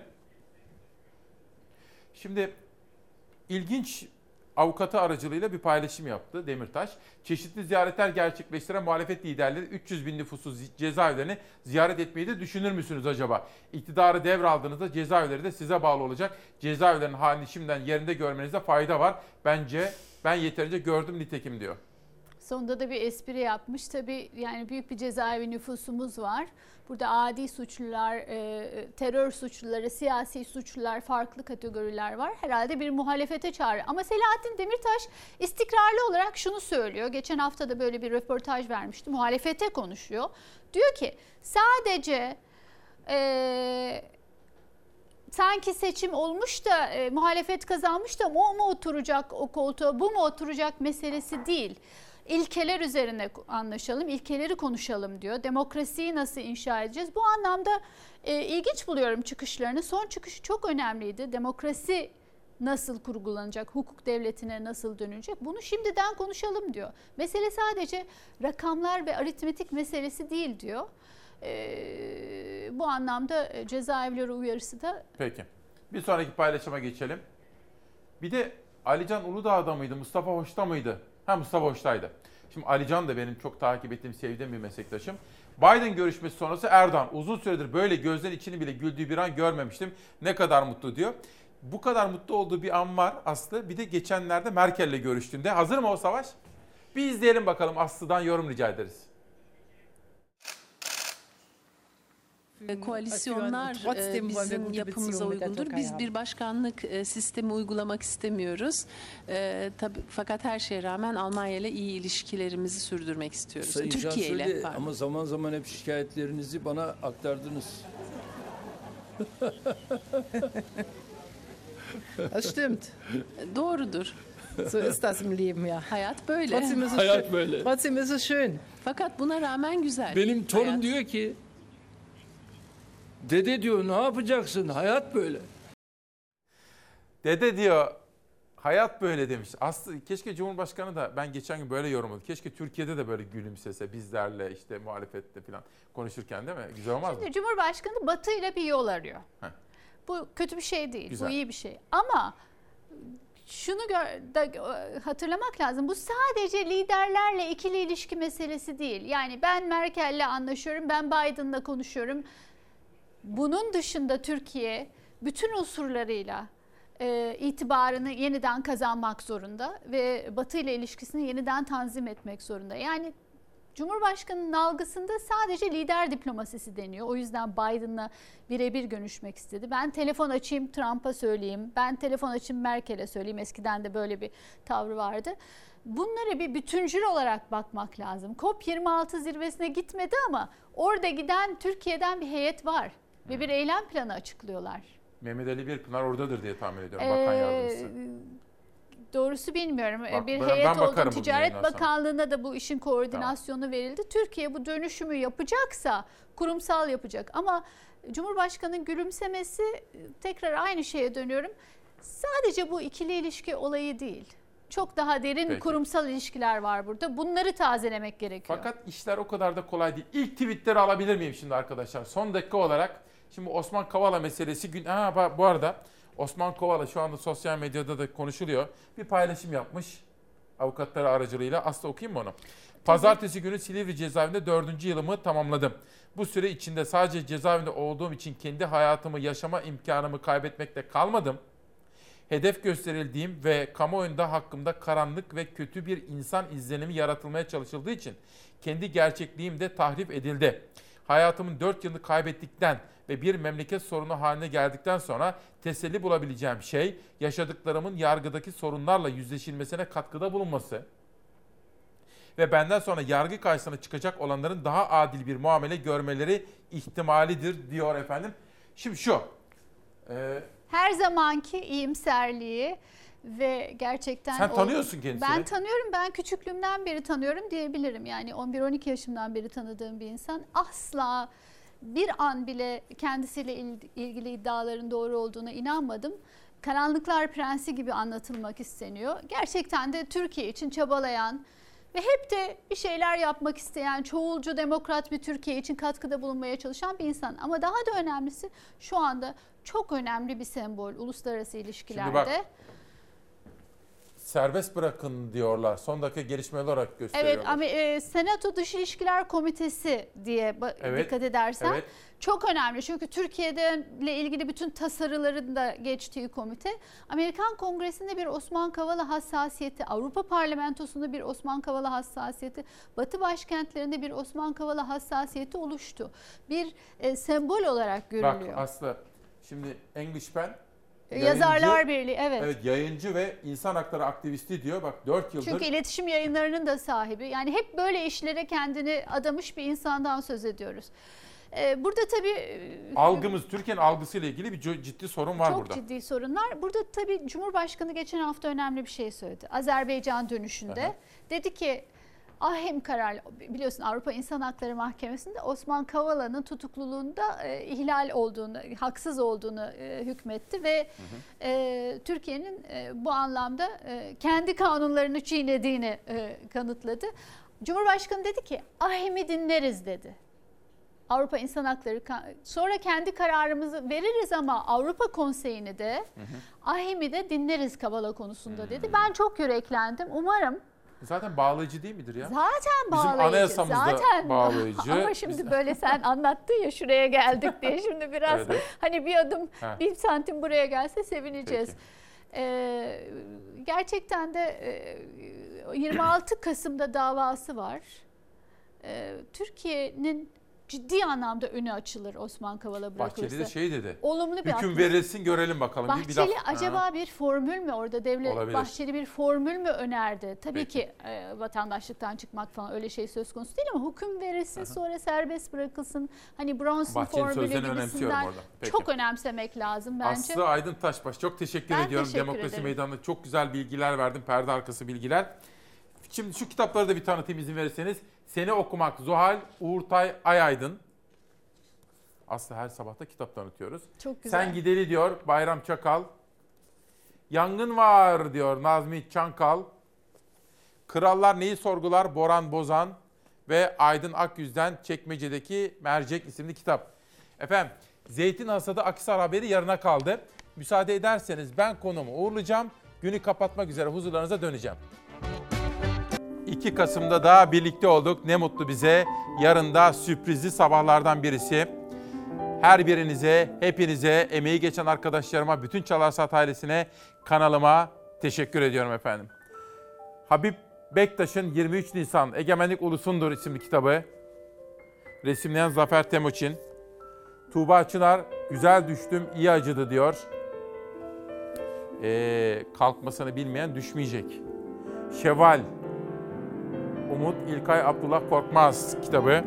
Ve Şükrü Erbaş'tan bir şiirle kapatalım. Geçmiş acıdır, gelecek bitmiştir. Solgun bir evde pişmanlık bile olmayan bir yalnızlık bütün sesleri mutsuzluğa çevirir. İçinde bir yanlış adam, dışında bir sonsuz kadın. İlk insanın hayal kırıklığını bir de sen salarsın dünyaya. Ben sevmek istiyorum. Ben sevmek istiyorum. Ben sevmek istiyorum.